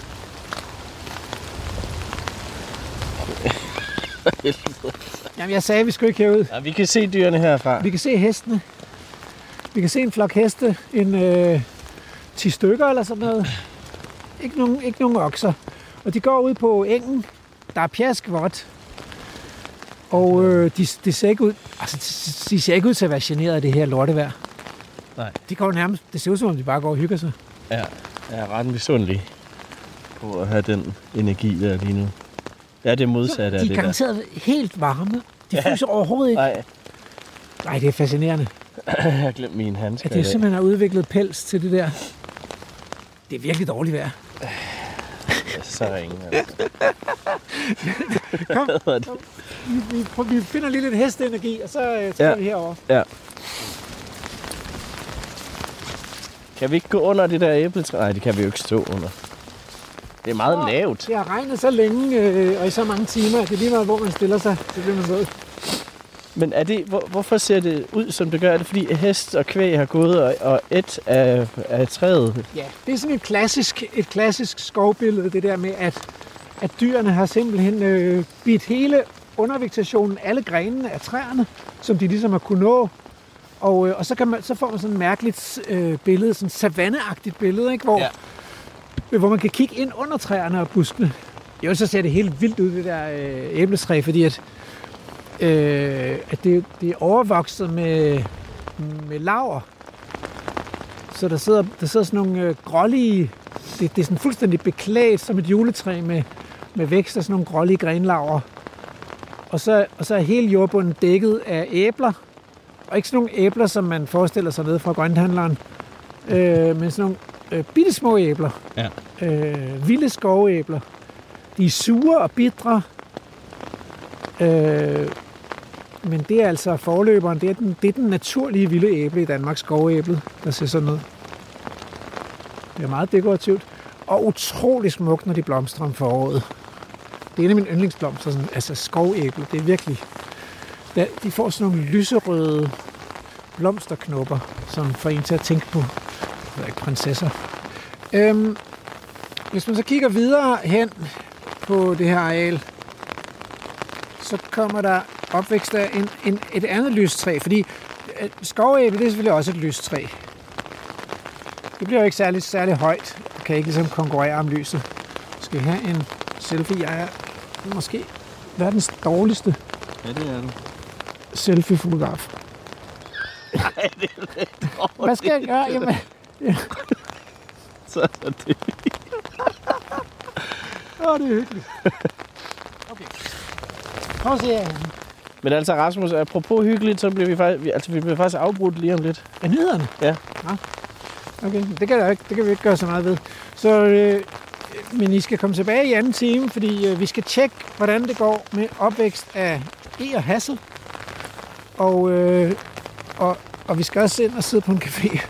Nej, det skal vi ikke, men vi, I skal... Og kan vi ikke? Godt. Nej, det kan vi godt måske. Men, øh, men vi, skal, vi skal diskutere... Øh, vi skal diskutere konsekvenserne af at sætte store øh, græsne dyr fri i den danske natur, og konsekvenserne af ikke at gøre det. Hold da op, hvor er der meget græs her. Nå, i hvert fald, vi skal også have øh, næste, næste afsnit i serien fra før far var barn. Ja. Så der er mange gode ting i vente i anden time, men nu er der nyheder.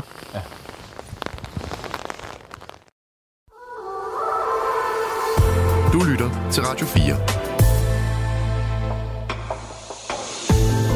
Velkommen til Vildspor. Din vært er Rasmus Ejernes.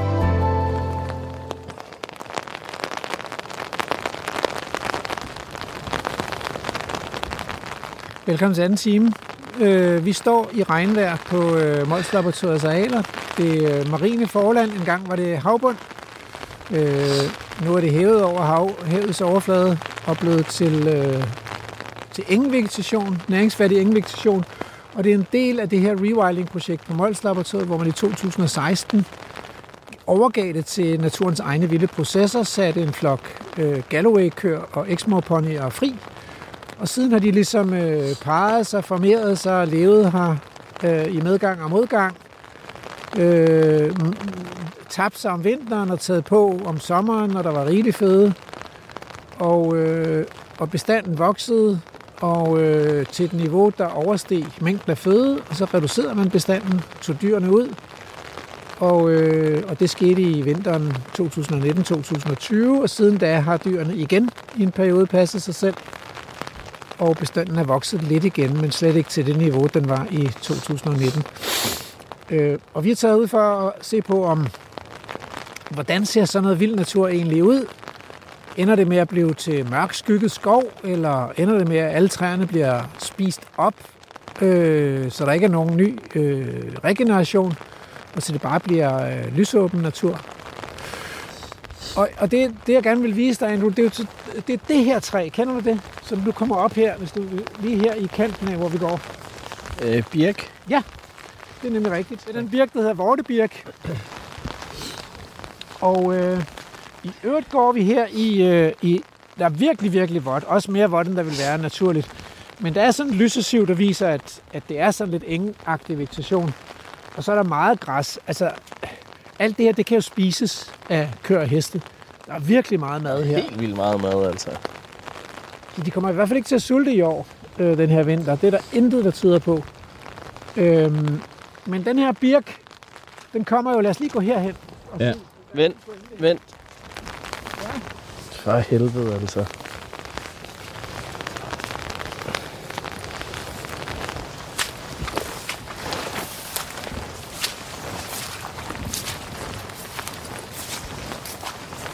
Jeg tror sgu, der er hul i min gummistøvle. Fedt. Okay. Ja, ja, men altså, øh, mormors paraply og, og bedstefars gummistøvler, ja. det kan jo ikke holde evigt. Nej. Men, men kan du se, at de her birketræer, de står på en nærmest lige linje Ja. hen. Øh, og hvis man lige kigger ned, øh, hvad der karakteriserer den linje, så er det lige nu, at øh, der er en grøft, der er fuld af vand. Nå ja. Så der, lø- der løber en gammel grøft her, og af en eller anden grund, så er det omkring den grøft, at de her birketræer har etableret sig. Og det, og, det, og det viser jo hen til en af de udfordringer, der er ved at slippe naturen vild i Danmark. At, at Danmark har jo i øh, tusindvis af år været præget af mennesker. Mennesker, som har forsøgt at få has på de naturlige processer, få drænet vandet væk, få inddiget kysterne, få plantet plantager, så sandet ikke blæser rundt, og få fældet skovene, få dyrket jorden, og så videre, og så videre, og så videre. Og Mols Laboratoriet er en del af det her gamle kulturlandskab. Og de spor kan man ikke sådan lige, dem kan man ikke viske ud, altså. Det, det bliver, det bliver ligesom en del af det nye puslespil, der skal lægges, når man slipper naturen fri, det er, at man overtager ligesom det, det fordomsbønder og skovdyrkere efterlod. Jeg kan ikke bare fælde det. Så det kunne man godt, men, men, det, men det er også en, altså, at fældetræer er jo også en forandring. Et meget godt eksempel, det er alt det gyvel, der vokser på Mols Laboratoriet. Gyvel er, øh, har enormt, kan enormt godt lide at kolonisere gamle, øh, gamle dyrkede, sandede marker. Ja. Så man har dyrket nogle sandede marker, så holder man op, og så kommer der gyvel. Mm. Men hvis man fælder dem, så skyder de bare endnu vildere igen. De elsker at blive forstyrret. Så det er ligesom sådan, man kan ikke sådan, man kan ikke nulstille det, man kan ikke, man kan ikke gøre den gamle mark ugjort. Det vil sige, det der optimale miljø for gyvel kan man ikke ligesom gøre ugjort. Og det viser sig nu, at, at det ser ud til, at den strategi, man har lige nu, det er måske den rigtige, at lade gyvel vokse sig ud, og så blive senil og gammel og begynde at falde hen i et regime med store græsne dyr, fordi så er den måske ikke så stort et problem længere. Ja. Øh, men, øh, men det ser i hvert fald ikke lige sådan ud, som det ville have set ud uden mennesker. Så måske, måske er lærerne af, af Molslaboratoriet også, at, at det jo, man kan ikke skrue tiden tilbage, og så vælge at sige, nu skal det se ud præcis ligesom i sidste mellemistid. Det kommer på en eller anden måde til at se ud sådan, som, sådan som Mols bjerges kulturlandskab kan komme til at se ud, hvis man slipper det fri. Og det bliver på en anden måde. Det bliver vel mosaik af en art, ikke? Fordi det kan jo være... Altså, det, den her del her, den kan vi jo... Med, hvad hedder det, med birketræerne. Den, den, den er jo så, som den er. Men så, så er der jo andre dele af, af Mols Laboratoriet, der måske har mulighed for at rejse længere tilbage i tiden, så at sige. Ja, vi skal, vi skal også lige kigge her, fordi nu står vi under et øh, stort egetræ. Og en af de ting, øh, Jens Christian bad os om at tjekke, det var ligesom, om, om der var noget om der var noget opvækst i de her lystræer. Ja. Birken er jo et lystræ. Og det kan man sige, det kan vi, har vi konstateret nu, den er der i hvert fald opvækst af. Men, øh, men, men her kan vi se, at der kommer faktisk også nogle små egetræer, som, som på en eller anden måde, det lykkes at spire i det her øh, lysåbne græsningslandskab. 1, 2, 3, 4, 5, 6. Det vælter op med e, som, som, som spiger, fordi at det der store egetræ har kastet sin æren ned her. Ikke? Og der er lys nok til, at, at, øh, at de kan spire. Men hvis man så kigger rundt efter, om der er nogle, nogle lidt større, de, dem jeg peger på her, de er vel, hvad er de? 10-15 cm høje. Ja. Ja. Det er det, ikke? Hvis man så kigger efter, om der er nogle højere egetræer, så kan jeg sgu ikke lige, så kan jeg sgu ikke lige se nogen. Så det må vi må forestille os her, det er, at de her egetræer her, de bliver simpelthen øh, græsset. Altså, de får ikke lov til at blive højere. De bliver øh, spist af, af dyrene kommer her og spiser af græsset og af egetræerne. Ja. Så bliver de, øh, så bliver de bidt ned. Øhm, og det er jo også derfor, man ikke vil have dem i skovene, fordi så får man ikke, der kommer ikke nogen nye træer op, så står der bare de gamle træer tilbage i landskabet, som sådan nogle kæmper. Det er ret stort egetræ, det er, Ja, ret det er flot. det faktisk. Det, det har så til gengæld sin egen øh, værdi for biodiversiteten, at der står sådan nogle store gamle egetræer, fordi hvis nu ikke der havde været nogen græsne dyr, så er der ikke mere end 100 meter hen til den der bøgeskov, og, øh, og så vil der ret hurtigt øh, være bøgetræer, der spredte sig ud på de her arealer. Og hvis der begynder at vokse bøgetræer op omkring sådan en gammel egetræ her, så går der ikke rasende lang tid, før så begynder de at skygge træet ihjel. Øh, så frem for at stå i lys, som, som det gør lige nu, så vil det komme til at stå i skygge. Først delvis skygge, og så fuld skygge, og så vil det gå ud. Så det træ her, der måske kan, hvis det får lov til at stå her i græsningslandskabet, kan blive 800 eller 1000 år gammelt. Det vil øh, dø i løbet af få hundrede år, hvis, øh, hvis der fik lov at vokse bøgetræer op omkring det. Så det betyder meget øh, med de her græsne dyr. Og det er jo, altså, hvis man ser på, træet er jo smukt selvfølgelig i sig selv, men, øh, men, øh, men fra et biodiversitetsperspektiv, så det, det, det, det især ligesom øh, bidrager med, det er, at det kan blive levested for andre øh, dyr og svampe. Og øh, nu kan man se, at der er en død gren, der ligesom går ud her, og på et tidspunkt knækker den af. Og, og der, hvor grenen knækker af, der kan der med tiden være et indfalds, en indfaldsvej, angrebsvej for svampe, som kan begynde at æde sig ind i træet. Altså ind under barken, ind i, ind i vedet. Øh, øh, og så bliver der dannet en hulhed. Og inde i den hulhed, der kan der jo så, øh, ja, udover at der kan bo fugle, hulrugende fugle, øh, så kan der også øh, bo biller. Øh, store biller, der begynder at æde af vedet. Øh, og der kan være svampe, der lever på træet. Og det kan træet faktisk bedre tåle, end det kan tåle bøgetræernes skygge. Øh, så det kan blive rigtig, rigtig gammelt, og så være hult og øh, levested for, for biller og svampe og hulrugende fugle og flagermus i hundredvis af år, som sådan et gammelt veterantræ. Og det er sindssygt værdifuldt for biodiversiteten med sådan nogle gamle veterantræer. Øhm, og der er det lysåbne græsningslandskab altså fantastisk. Det betyder også, at træet er varmt og tørt og lækkert for, øh, for varmeelskende dyr, øh, når det står i sådan øh, græsningslandskab, fordi der kan komme lys til træet. Det modsatte er også. Det modsatte er, vi, vi er kolde og klamme og fugtige Ja. og våde. Ja. Skal vi gå lidt igen? Ja. Ikke den vej. For vi skal lige rundt om den grøft der. Okay.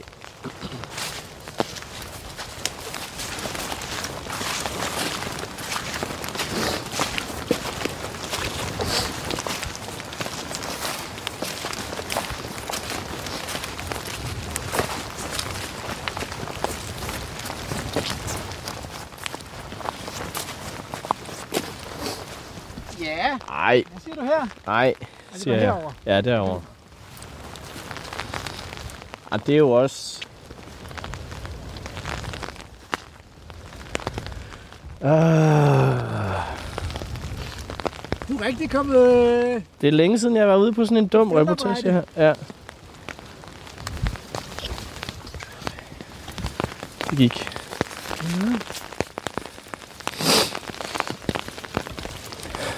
Det er jo meget skægt, at herude på Møjles Laboratoriet kan man observere mange af de...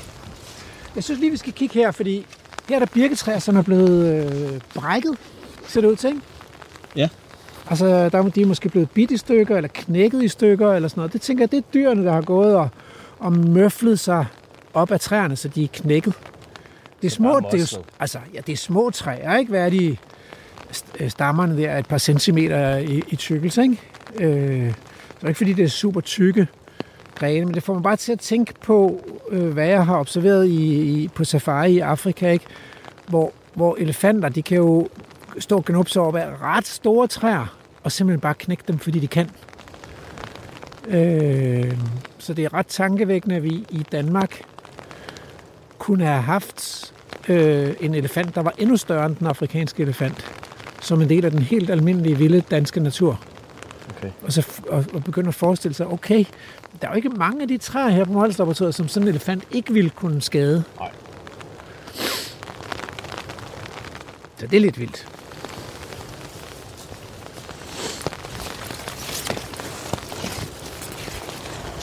Jens Christian nævnte,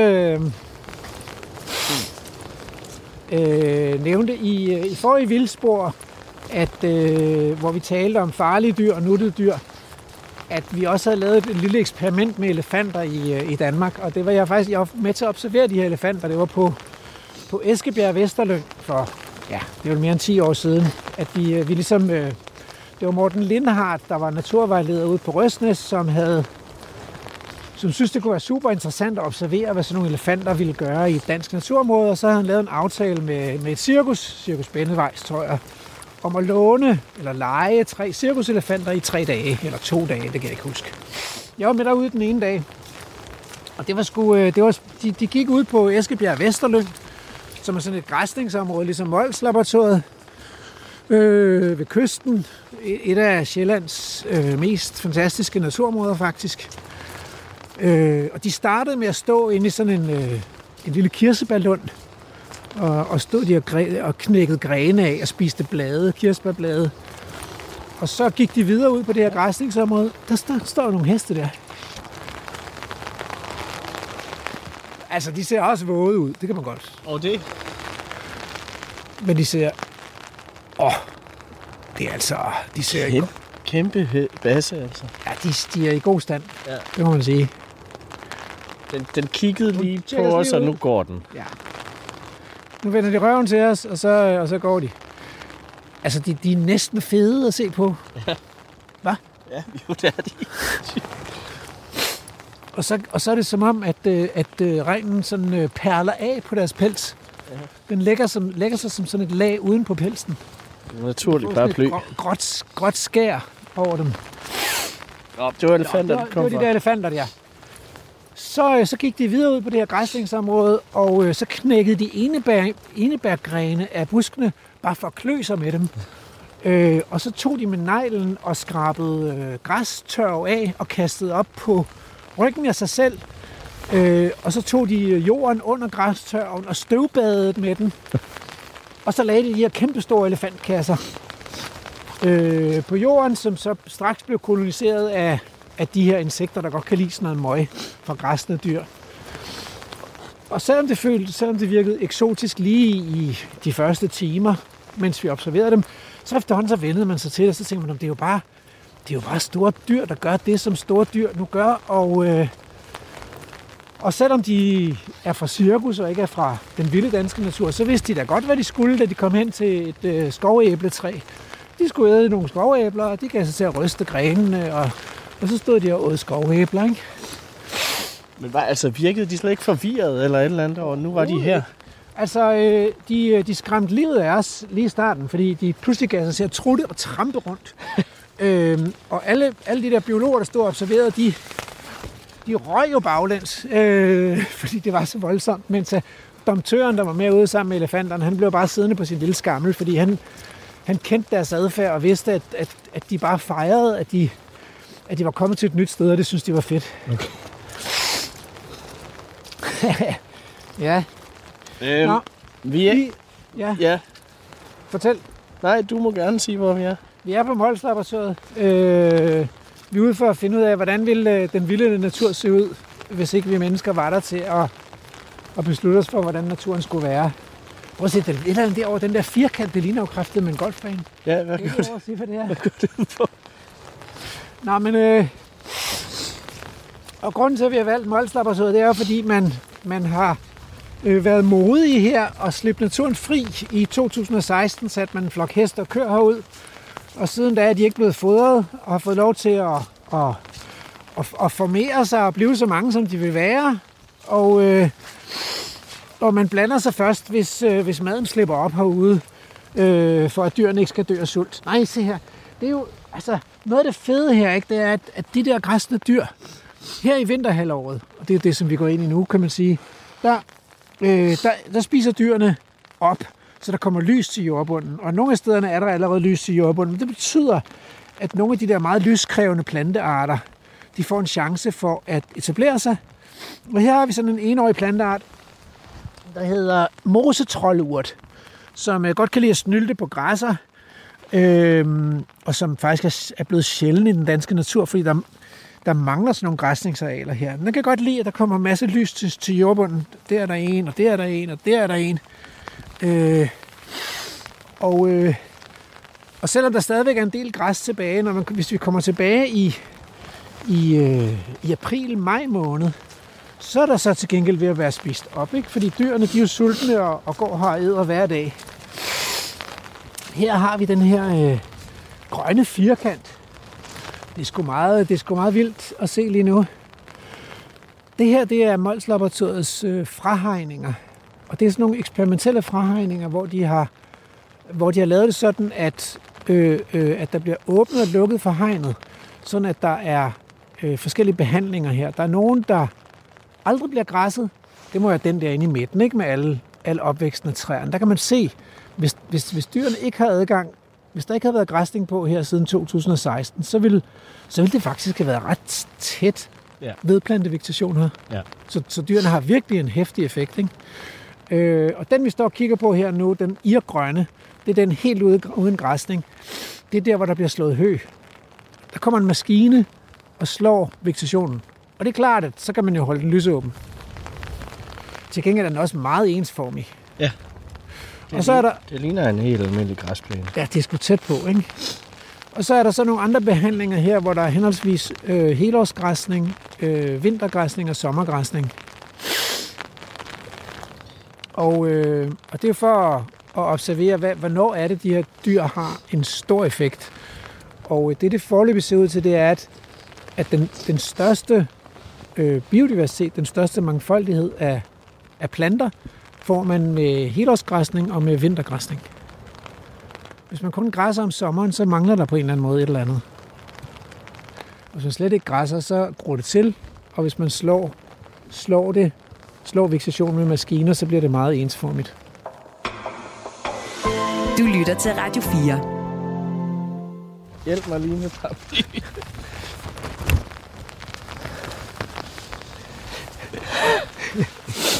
Hold nu kæft, mand. Det er dejligt. Det er lidt Så kan man få meget. lov til at komme ud i sådan en frisk vejr her. Min, min højre fod er altså gennemblødt nu. Jeg ved ikke, hvorfor. øh, Nej. Men Jeg altså, har en hypotese om, at der er hul i gummistøvlen. Ja. Det er Ja. nok ikke helt skævt. nej. Men øhm, udover mange, udover birk og brombær og gøul, så er der jo en, en mere af de arter, som vi mennesker går og er bekymrede over, nemlig øh, ørnebregne. Alt ja. Det brune, øh, brune, visne øh, vegetation, der er her i kanterne her, det er ørnebregne. Det er sådan en art, der som vi mennesker ikke kan lide. Den er godt nok hjemmehørende, men den kan opnå meget stor dominans, så vi tænker på den som en problemart. I store dele af England og Skotland, der, der har man øh, kørt kæmpe bekæmpelsesforsøg med, mod den der ørnebregne, fordi den kan blive ret dominerende i nogle af deres hedelandskaber. Det er heller ikke en, den, den er lidt giftig, øh, så dyrene er ikke så glade for at, øh, at græsse på den. Og, og det er jo her, hvor man så må spørge sig selv, ja, men altså, øh, øh, man kan godt blive bekymret for, at den overtager verdensherredømmet, men måske, måske gør den ikke. Måske skal vi bare lade den være, og så se, hvad der faktisk sker. Øh, Altså, der er okay meget af den lige her, vil jeg Lige sige. her der er enormt meget af den, og der er nogle andre steder, hvor der også er meget af den, men det er også mange steder på Holslaboratoriet, hvor man ikke ser den. Øhm, et af de dyr, der måske, måske kunne betyde noget for ørnebregnen, det er vildsvin. Ja. Så det har vist sig, at vildsvin kan godt lide at rode jorden igennem, og så æde øh, jordstænglerne af ørnebregne. Det er åbenbart ikke så giftigt, at man, at man ikke kan spise dem. Vildsvin kan i hvert fald. Og det er jo en af de arter, som mangler i Danmarks natur. Øh, og det er jo ikke en, man skal, øh, man skal genindføre fra Afrika. Det er jo et, et almindeligt vildt dyr i Europa. Man har bare besluttet den danske regering, at på grund af hensynet til svineeksporten, så vil man ikke have vildsvin i Danmark. Ellers ville der være masser af vildsvin. De ville kunne gå, gå for de der æbler, skovæbler, der ligger i skovbunden, og nogle ørnebregne jordstængler, og i det hele taget medvirke til at skabe noget af den der dynamik, som der kan være i naturlige økosystemer. Nå, men nu står vi ved en hassel. Vi lovede at kigge efter hassel, og øh, der, er faktisk, der er faktisk pænt meget hassel herinde. Den slags skov, vi står overfor her, øh, er det, man ville kalde øh, en aske-ille-mose, tror jeg, man vil sige. Eller aske- aske-elle-sumpskov. Øhm, Skal vi stå lige her ved lorten? Ja, lige her ved lorten, synes jeg, vi skal stå. Men det er fordi, hvis vi går længere ind, så bliver der meget vådt. Vil du det? Nej. Nej. Øhm, det er sgu øh, et meget godt bud på en lysåben øh, skov fra mellemistiden. Em, det her, synes jeg. Der ligger temmelig meget dødt ved, så der er træer, der er væltet. Øh, og ligger i skovbunden, og grenen, der er knækket af. Så er der ret meget hassel. Der er en del andre buske i skovbunden også. Øh, jeg kan se, øh, derhen står en med virkelig flotte røde bær. Det er en benved. Øh, så kan jeg se tjørn, og så kan jeg se øh, og skovæble. Og så står der de her mange hasler og, og nogle store spredte egetræer.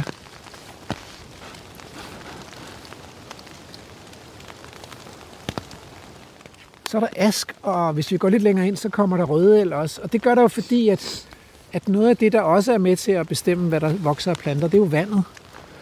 Og vi er på den der hævede havbund, og hvis, man, hvis vi fortsætter 100 meter ind der, så kommer den gamle kystskrant, det man også kalder litorineskranten.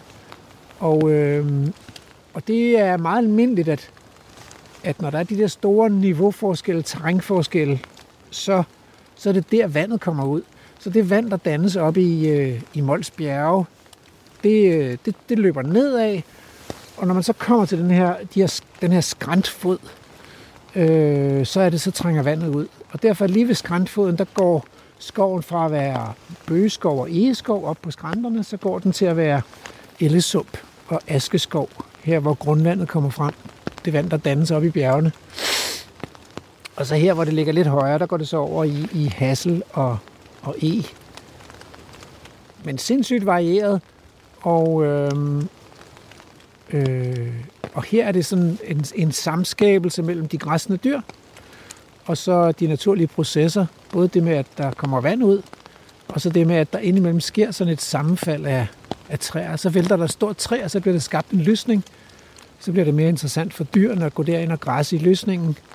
Øh, og så bliver det holdt lysåbent i en tid. Øh, og så kommer der lys nok til, at haslen den kan skyde op igen. Det er ret fedt, ret fedt og varieret skovbillede. Mm. Og det der selvfølgelig, det der selvfølgelig vil, vil er sådan, altså, det der er mega interessant, det er, hvad, hvad vil der ske de næste 50 år eller 100 år? Bliver det til sådan en øh, lys birkeskov, lys egeskov, øh, eller vil dyrene faktisk være i stand til at opretholde nogle af de der lysåbne områder, som, som har været græsnings, altså kulturhistoriske græsningslandskaber. Nogle af dem har været dyrkede marker. Øh, og vil der opstå nye, nye græssede lysninger inde i skovene, når, når, når nogle, af de gamle, nogle af træerne bliver gamle og falder om. Øh, og det man kan sige fra de her pollenstudier fra, fra artiklen øh, fra sidste mellemtid, det er, at, at de siger godt nok noget om, hvor mange procent der er den ene og den anden og den tredje sådan generelle vegetationstype, men de siger ikke noget om, hvordan de var fordelt i landskabet. Om det var sådan en, en mosaik imellem de her typer, så der var små pletter med tæt skov, store områder med lys skov og små lysninger inde i skovene, eller om det var sådan mere fordelt i lidt større landskaber, så der var hele landskaber, der var lysåbne eller tæt skovdækket. Det siger undersøgelsen jo sådan set ikke noget om. Altså, øh, den siger bare noget om den relative balance i et landskab mellem de her forskellige typer, men ikke noget om, hvordan Lego-klodserne var konfigureret.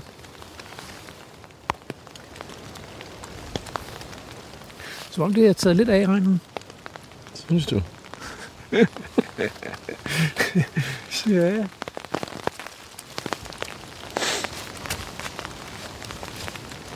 Der står et stort birketræ der.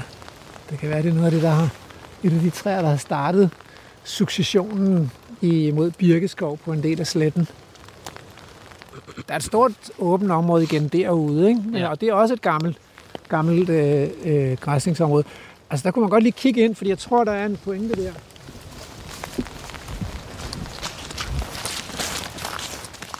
Vil du låne den lidt større paraply her? Nej, det er fint det her. Jeg synes bare, at den der café, den lokker mere og mere. Ja, jamen, vi, skal, vi sætter os lige ind og, og tager en kop kaffe. Ikke? Okay, godt.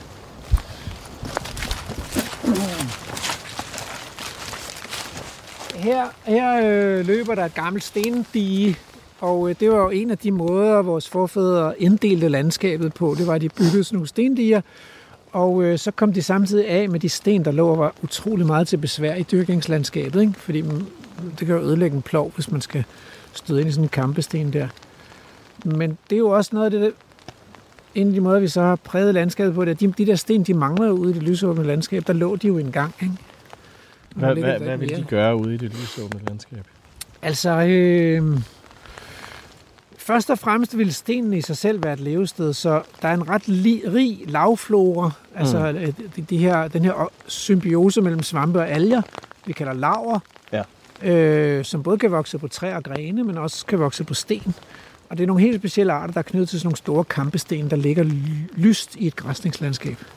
Og nu er de blevet parkeret ind i skoven som sådan et stendige, og det vil sige, at, der, at de ligger i skygge det meste af året, og får ikke den der rige, rige lavflora, så nu er der mest mosser på dem. Øhm, og for det andet, så giver det jo sådan lidt en forskel, lidt et, et andet mikroklima. Ikke? Øh, nogle af de urter, der kan have svært ved at konkurrere med de andre urter, de kan sådan langsomt med sådan et mos- og jordtæppe, så kan de sådan krybe op på de her øh, store kampesten, øh, hvor, de kan, hvor de mere nøjsomme vækster kan vokse. Så det giver bare variation med, med store sten. Øh, de kan også sådan suge varme til sig i løbet af natten, eller dagen, og afgive det i løbet af natten.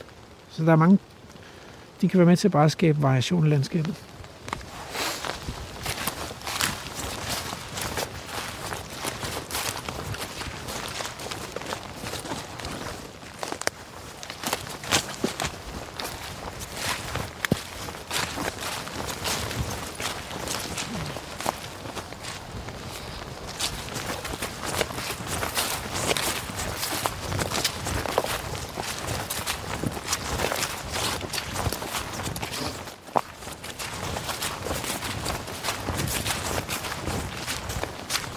Jeg vil øh, vise her, det var noget af det, der sker i de her græsningslandskaber, det er, at der opstår sådan nogle små øer med nogle stikkende sataner, man kan så må sige. Ikke?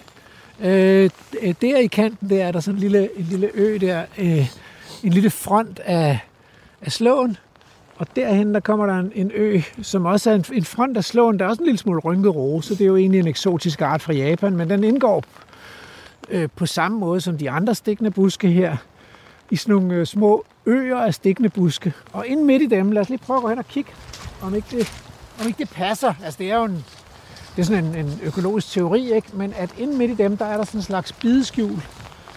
Øh, og bid, bideskjul vil bare sige, at der kan de græsne dyr ikke rigtig komme til at, øh, at æde vedplanterne, og så, så, bliver, så bliver der sådan en slags helle for vedplanterne derinde.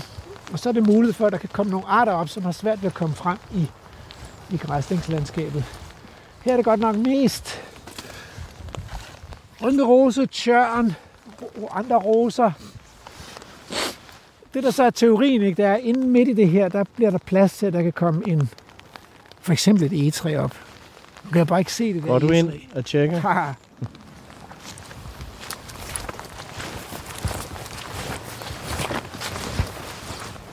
Øh, jeg tror godt, vi kan klare os med denne her, ikke? Hvad er det? Det er en ask.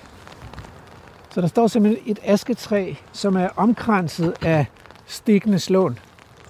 Og den får lov til at... Det ser ud til, at den får lov til det. Ikke? Den Der er har- noget, der har gnavet på bakken, ikke? Ja, der, er altså, der, har stået, der har stået en hest og gnavet af bakken her, så den kan stadigvæk lige præcis nå ind igennem det her krat. Ja. Og så øh, faktisk skade, øh, skade det her asketræ væsentligt.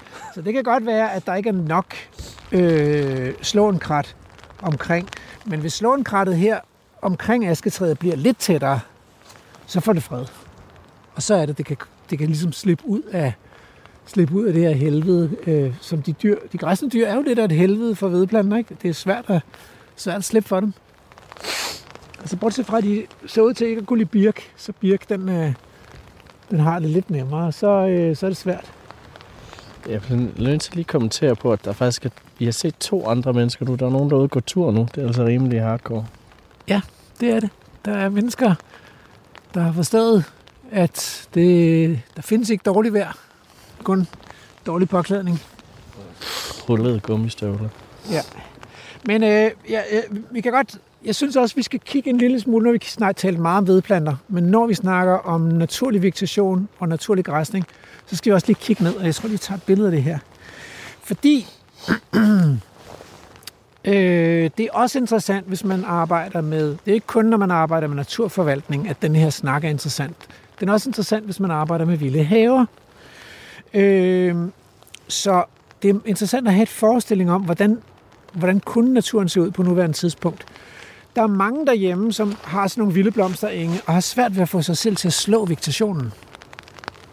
Og der kan det være meget godt at vise et billede af, hvordan det ser ud øh, i et naturligt græsningsregime. Så man tager et billede af det der her. Man kan også tage et billede ned. Så kan man sige, det er jo altså, det vil man næsten kalde en tæt slået, tæt slået vegetation, det her, ikke? Øh, så man behøver ikke at være, at være nervøs for, at man kommer til at gøre naturen skade ved at tage sin le og slå det ret tæt, eller tage sin plæneklipper og slå vegetationen ret tæt. Fordi det betyder så, at der kommer lys til jordbunden, og så bliver der plads til alle de her mange urter. Der er jo virkelig mange ah, urter her, der godt kan lide, at der kommer lys til. Udover mosset, så er der øh, langsætvejbred, kan jeg se her, og masser af knoldranonkel på vej. Så tager jeg bare lige et billede af det her. Og alle de her øh, planter, de har deres blade nede ved jorden, og de kan godt lide, at vegetationen er græsset tæt ned. Og der, hvor den så ikke er græsset tæt ned, det er herinde.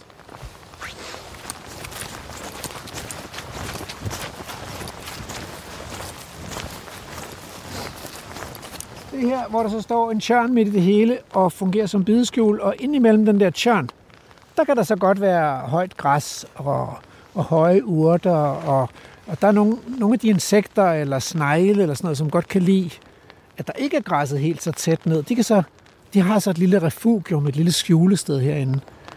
Men det store generelle billede, det er, at der faktisk er spist op i det her landskab. Ikke?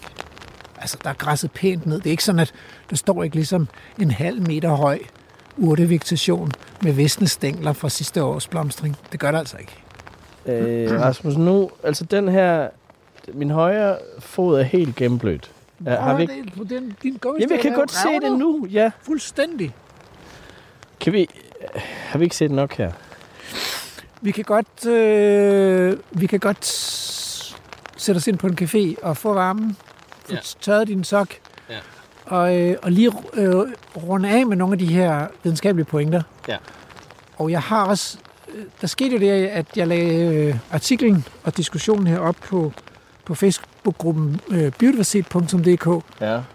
og, øh, og det gav anledning til nogle diskussioner, blandt andet omkring den danske og svenske naturforvaltning Okay. som jeg også synes er interessant. Så det, det kunne vi måske lige runde af. Ja. Eller komme rundt om. Ja. Så jeg er med på det. Vi går tilbage. Jeg synes, øh, vi har gjort det godt. Det, det, er, bare, det, det er virkelig dårligt vejr. Det er horribelt her.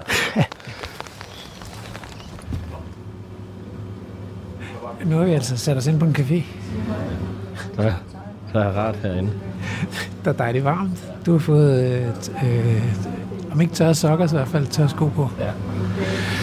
Øh, det er Mols Kaffeøsteri i Femøller. Det er hyggeligt. Og øh, vi kan kigge ud på regnen nu. Øh, og jeg tænker, vi slutter her. Jeg har bestilt kaffe til os. Den kommer om lidt. Det kan vi så ikke. Og en lille snor. Så skal vi ikke optage. Så optager vi ikke. Og så imens, så kunne vi måske høre øh, fra før far var barn. Så en lille pause. Du skal også have varme. Du har stadig kolde hænder, tror jeg. Du lytter til Vildspor på Radio 4. Nu sidder vi jo på sin vis på en café på, på Mols, men, men vi er også lidt i studiet her, fordi jeg, jeg, der kommer lige en studieforklaring på det her, den her lille serie med lydbreve fra før far var barn. Vi har jo haft en serie med de store kæmpedyr, fortidens kæmper, og med Bjarne Marler Skov, som forklarer om de der store dyr, øh, og det er jo sådan en forhistorisk tid. Men nogle gange, og det er jo vildt overraskende, der har været elefanter og næsehorn i Danmark, men nogle gange er det næsten lige så overraskende bare at dykke 100, 1.500 år tilbage, 200 år tilbage i Danmarks historiske fortid, nyere fortid. Fordi verden har altså bare forandret sig meget, så, så man kan virkelig blive overrasket over, hvordan naturen så ud dengang, hvor meget natur der var, hvilke arter de, de havde dengang, men også hvilken relation mennesket havde til, til den natur, der var i landskabet og omkring mennesket. Øh, og hvordan mennesket var forankret i naturen på en helt anden måde. Øh, en meget mere nytte- og brugsorienteret måde, end tilfældet er i dag, hvor vi, de fleste mennesker, lever relativt fjern fra naturen. Så jeg har simpelthen overtalt sådan en, en flok af dygtige naturhistorikere til at at øh, finde sjove kilder, spændende små øh, tekststykker, fra, som rækker tilbage i vores øh, nærmeste forhistorie, øh, eller historie, og så, og så læser op øh, og beriger os med sådan et, et lille kig ind i, øh, i tiden fra før far var barn. Øh, og i dagens afsnit, der er det Kasper Møller, der læser op. Og ja, der kan man godt som sjællænder blive sådan lidt varm om hjertet. Ikke? Det er, man kan fornemme det der stævnske sjællandske dialekt der, som jeg selv er vokset op øh, på den kant der, på den egen. Jeg har næsten lagt det fra mig. Det vil de jyske lyttere naturligvis være uenige i. Men... Og, øh, og så har vi jo haft Martin Stolse, og, og der kommer flere andre naturhistorikere på banen senere. Men, øh, men glæd jer og nyd det. Øh, et, et, et kig ind i en, en sær verden, som dog ikke er længere end et par generationer væk. Hej Rasmus og Andrew. Jeg vil gerne læse højt af zoologiprofessor Karl Wesenberg Lunds øjenvidende beretning fra 1925. Den hedder Den forstlige behandling af vores skoves dyreverden.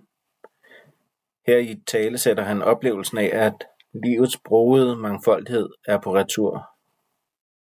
Det er nok en oplevelse mange af os, der nørder natur, kan genkende, men alligevel synes jeg, den er væsentlig, fordi beretningen er så relativt gammel, at den kan være med til at underbygge en pointe, jeg selv synes er ret vigtig. Selvom kunstgødning, pesticider, store landbrugsmaskiner og EU-støtteordninger på ingen måde er en gave til biodiversiteten, så er det ikke der, vi skal søge efter årsagerne til, at arterne forsvinder. Ingen af disse faktorer var i spil, da Wiesenberg Lund skrev sit essay.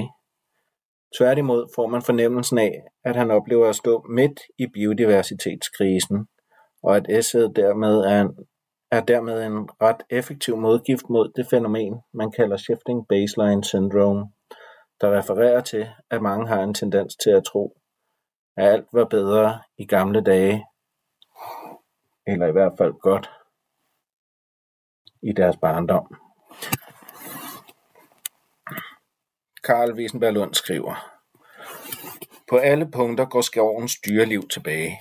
Dette billede forrykkes ikke, fordi vi nu og da under et insektangreb står over for en masseoptræden af en enkelt art, hvem vi ved kulturelt indgreb på en eller anden vis giver exceptionelt gunstige livsbetingelser. Det, der år efter år tager af, er livets brogede mangfoldighed, samspillet mellem skovsamfundets tusindvis af enere, alt det, der skaber følelsen af naturens uendelige rigdom og dermed også visse sider af dens skønhed og ynde. Skulle jeg sende et forstidsskrift disse mine indtryk, ville jeg alligevel ikke stå ene. Jeg sendte da til Ornitologisk og Entomologisk Forening en forespørgsel, om ikke hvor insektsamlere og ornitologer havde gjort samme triste jagttagelser som jeg selv. Desværre fra alle sider blev jagttagelserne af, at dyrelivet tager af i vores skove til fulde bekræftet. Svarene indløb fra de fleste dele af Sjælland, fra Forborgegnen, Silkeborg, Randers-terrænet og Viborgegnen. De fleste skyldtes mangeårige samlere, præster og læger med interesse for ornitologi, forstmænd, lærere i kommuneskoler, men karakteristisk nok ikke fra en eneste naturhistorielærer ved det højere skolevæsen. Der er ganske samstemmende klager over, at hvor overvingede bier og vepse i meget, meget kendelig grad tager af. Det gælder ganske særligt forårsformerne. Mange af os ældre bevarer i vores erindring det summende liv af talrige arter af humle og jordbier over blomstrende pilehegn og fritstående pilebuske.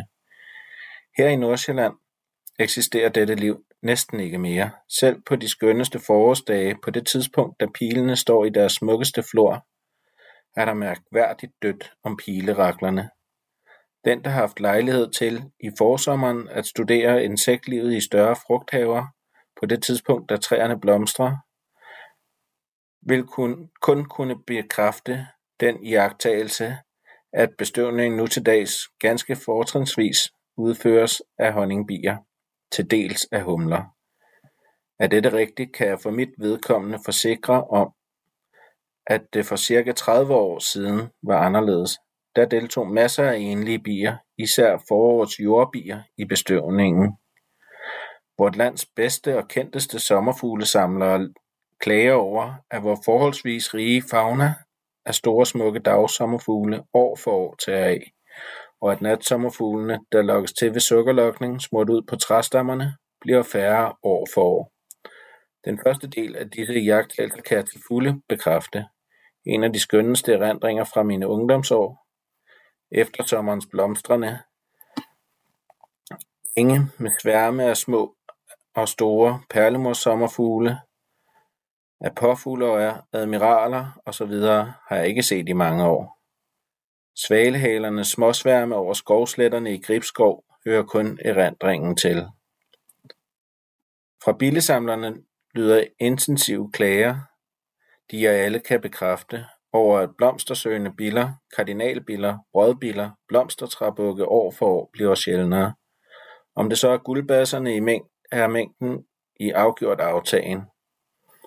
For cirka 25 år siden var her i omegnen af Hillerød utænkeligt at stå under en blomstrende hvidtjørn uden at opdage adskillige af de pragtfulde skarlagenrøde kardinalbiller, og der var næppe en hyld eller mjødeurt fra hvis blomsterstande, de gyldengrønne guldbasser ikke glødede. End vidner hyld og hvidtjørn mod himlens blå, men insekterne smykker dem ikke mere som før, før med deres pragtfulde farver. Der angives endvidere, at eftersommerens store træbukke år for år bliver sjældnere. Mine egne jagttagelser er ganske i overensstemmelse hermed. Det var umuligt en efterårsdag at færdes i de nordsjællandske skove, uden at møde den store tunge gaver vraltende afsted gennem det visnende løv. Jeg har ikke i de sidste 10 år set et eneste eksemplar. Som det går med den, går det med den store poppelbuk, med tømmermanden, muskusbukken og mange andre, der nu overalt her i Nordsjælland kun ses yderst sjældent. Om egeordene skrives, at de endnu for cirka 25 år siden var meget talrige i skovene om Silkeborg. En lærer tilbød dengang at skaffe dem i skæbevis. Nu hører de til de største sjældenheder, om de i det hele taget findes mere på egnen. I fundegnen er de helt udryddet, og dette er sket i dette århundrede. På skov bevoksede bakker med blandet bestand af bøg og e var de meget talrige. I denne skovstrækning måtte ene først lade livet. I deres nød flyttede dyrene over i bøgene, men også disse måtte styrte. Endnu i 1903 var bøgestubene fulde af larver. Nu er der ikke den svageste rest tilbage. Bakkerne frembringer kun en tagelig afgrøde af korn eller kartofler. Du lytter til Radio 4.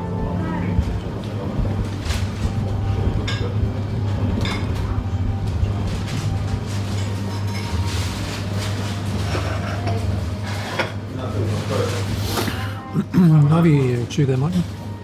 Og øhm, jeg tænker, at for at runde af, øhm, så kunne jeg godt finde på at sige, at hvis man nu synes, at nogle af de her diskussioner om øh, naturparadigmer og naturforvaltningsmetoder og sådan noget er interessante, så er et af de steder, hvor man kan blive klogere og så samtale med andre, det er vores Facebook-gruppe, Vildsborg på Radio 4. Men en anden gruppe, der kan være øh, god at øh, lige at frekventere, det er den gruppe, der hedder biodiversitet.dk, hvor der sidder virkelig mange fagfolk og, og deltager i de faglige diskussioner om dansk naturforvaltning. Og her lagde jeg faktisk øh, et link op til artiklen af Piers øh, og Svending med flere. Øhm, og så øh, opfordrer jeg vores, øh, vores svenske forbindelser Martin Stolze og Marie Simone Glan, der også var med på Mols på det svenske visit, som vi rapporterede i Vildsborg, til at, at dele artiklen. Og så, så skrev jeg øh, følgende. Øh, Martin Stolze. Sært egentlig, at svenskerne hænger fast i forestillingen om det gode og det onde menneske, og helt undgår at stille spørgsmål om verden før mennesket. Som om jorden er bare 6.000 år gammel, og mennesket er indsat af Gud som herrens hyrder. Det svarede Martin. Rasmus, og finder stikker med kniv. Hvis du vil diskutere noget fagligt over landegrænser, så tror jeg, du skal holde det fagligt og undgå den slags stereotyper. Af for den. Så svarer jeg tilbage. Øh, Martin, nu kender jeg nok svenskerne i citationstegn bedst for Danmark. Men har du oplevet, at netop svenske naturplejefortaler har været forbilleder for danske naturplejere? Så hvis nu skal flytte samtalen fra nationaliteter, så undrer det mig faktisk, at naturplejeparadigmet kan tilfredsstille biologer og naturhistorikere, når det, nu det er så indlysende, at menneskers historiske arealanvendelse adskiller sig så meget fra det, der foregår i naturlige økosystemer. Jeg tror altså, det skyldes, at naturplejerne finder identitet i at være naturplejere. I hvert fald synes det at vække meget frygt, uro og vrede, hvis man antyder, at det måske var bedre, hvis de lå være så kommer der faktisk et langt svar fra Martin, efter han lige har øh, vendt skråen og tænkt over det. Nå, Rasmus, skriver han så, jeg lovede at vende tilbage med refleksioner om Sverige. Så lad os se på det. Allerførst vil jeg sige, at det er en spændende artikel, og jeg har set, at den bliver delt og kommenteret entusiastisk blandt svenske biologer, helt uden min hjælp. Når du skriver, at svenskerne helt undgår at stille spørgsmål om verden før mennesket, går jeg derfor ud fra, at det er den svenske naturforvaltning og etableret naturplejepraksis, du sigter til. Du mener næppe, at svenskere eller svenske biologer i særdeleshed skulle være kreationister eller noget i den stil, selvom det næsten er det, du skriver. Taler vi om naturforvaltning, så er jeg helt enig i, at der mangler perspektiver, der rækker længere tilbage end et par hundrede år og længere frem end nogle årtier. Du har også revset naturforvaltning i Danmark, og en del af den kritik er lige så relevant i Sverige. Der er også forskel i forvaltningen, som gør, at kritikken i Sverige kan rettes mod lidt andre ting. Man kan dårligt beskylde naturforvaltningen i Sverige for at være amatørernes legeplads, men man kan beskylde de fagfolk, der faktisk er til stede for at tænke for instrumentelt. Dagens svenske naturforvaltning har fokus på arter og habitater. Målet er generelt at opnå livskraftige bestande, og så prøver man at gøre noget, der virker med de midler, man har.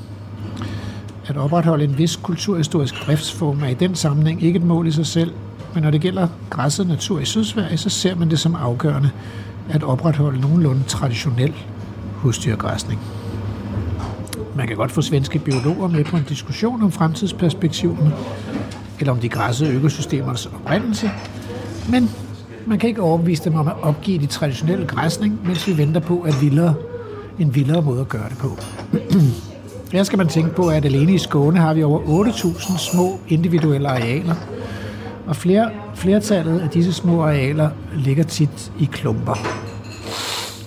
En helt oplagt, et helt oplagt træk vil være at slå nærliggende arealer sammen, gerne bundet sammen med skov, og i dag er ugræsset, men det vil kræve opkøb for penge, der pt. ikke findes, eller samarbejde mellem et utal af ejere. Derfor satser man på at opretholde de eksisterende kvaliteter så godt man nu kan, og det er sådan set meget fornuftigt, synes jeg. Faren er naturligvis, at det kortsigtede redningsarbejde tager så meget fokus, at man aldrig kommer videre. Og så tror jeg, jeg springer en lille smule i hans lange tekst her til følgende. Så hvorfor går det mere træt med paradigmeskiftet i Sverige? Udover arealstrukturen tror jeg, en vigtig årsag er, at Sverige har en højere grad af myndighedsstyre end Danmark. Dermed ikke sagt, at der er flere strammere regler, men der er længere vej fra politik til udøvende myndighed.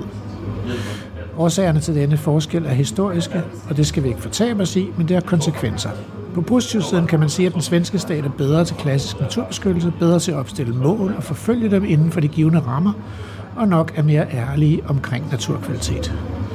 På negativsiden kan man sige, at sådan et system bliver træt, mindre kreativt og svært ved at finde løsninger uden for de normale rammer. Der opstår en nærmest ingeniørmæssig forvaltningskultur og forvaltningsterminologi inden for rammerne, kan forvaltningen dog godt udvikle sig. Nu nævnte du, Rasmus, blandt andet det problematiske ved sommerhøslet, og præcis det hensyn bliver i dag taget på mange af de små lokaliteter, hvor der bruges høslet. I dag er der også forståelse, større forståelse for forskellige græsningstryk og for betydning af forstyrrelse af jordoverfladen, og det er alt sammen justeringer, der udspringer af biologi, men omsættes til værktøjer. Er der et problem, så finder man en løsning. En konkret drivkraft bag kulturlandskabsfixeringen, tror jeg, er SLU, Sveriges Landbrugsuniversitet. Det er nemlig dem, der har sat sig på biodiversiteten. Sammen med Uppsala Universitet skabte de Centrum for Biologisk Mangfold i 1996. Øh, og det mundede ud i konkrete anbefalinger, som bygger på den biologiske del af forskningen, men igen, der var tale om at justere inden for rammerne. og øh, Artsdatabanken, som står for rødlistning og driver artsportalen, hører også under SLU. Artsdatabankens arbejde involverer mange af de skarpeste folk. Men de forvaltningshensyn og, hen, øh, og forslag, der findes i artfaktorbladene, kommer godt nok fra eksperterne og er ikke på nogen måde styret. Men trods denne overvældende samlede artskundskab og trods eksperternes uafhængighed, kan man spørge sig, hvorfor det netop er SLU, der skal være navn navet omdrejningspunktet for arbejdet med biodiversitet i Sverige. Jeg er jo bare jagttager, men jo mere jeg tænker over det, jo mere sært er det. Så det Martin skriver her, det er altså, at, at dem, der står for biodiversitetsforvaltning i Sverige, det er øh, Sveriges Landbrugsuniversitet. Og at dermed så kommer kulturlandskabet i centrum.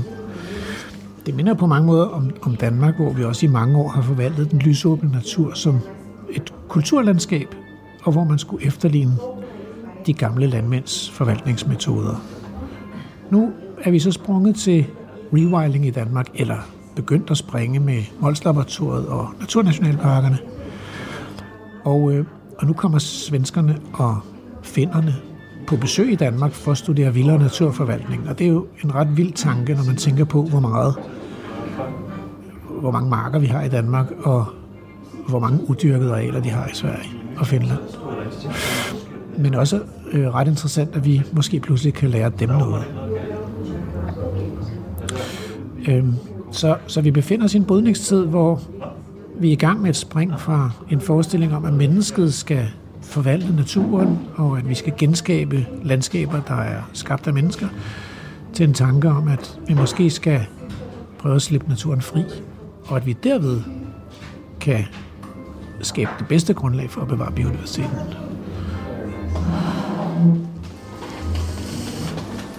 Jeg tror, vi er ved at være nået til vejs ende i det her program. Jeg siger, at du nikker. Så, øh, så er det tid til ugens række. Så kommer jeg til at runde, runde programmet af. Det lyder sådan her. Pollen, tryllestøv, spor af lyse skoves liv, kæmpedyrs trampen. Programmet er produceret af Videnslyd for Radio 4. Du har lyttet til en podcast fra Radio 4. Find flere episoder i vores app, eller der, hvor du lytter til podcast. Radio 4. Ikke så forudsigeligt.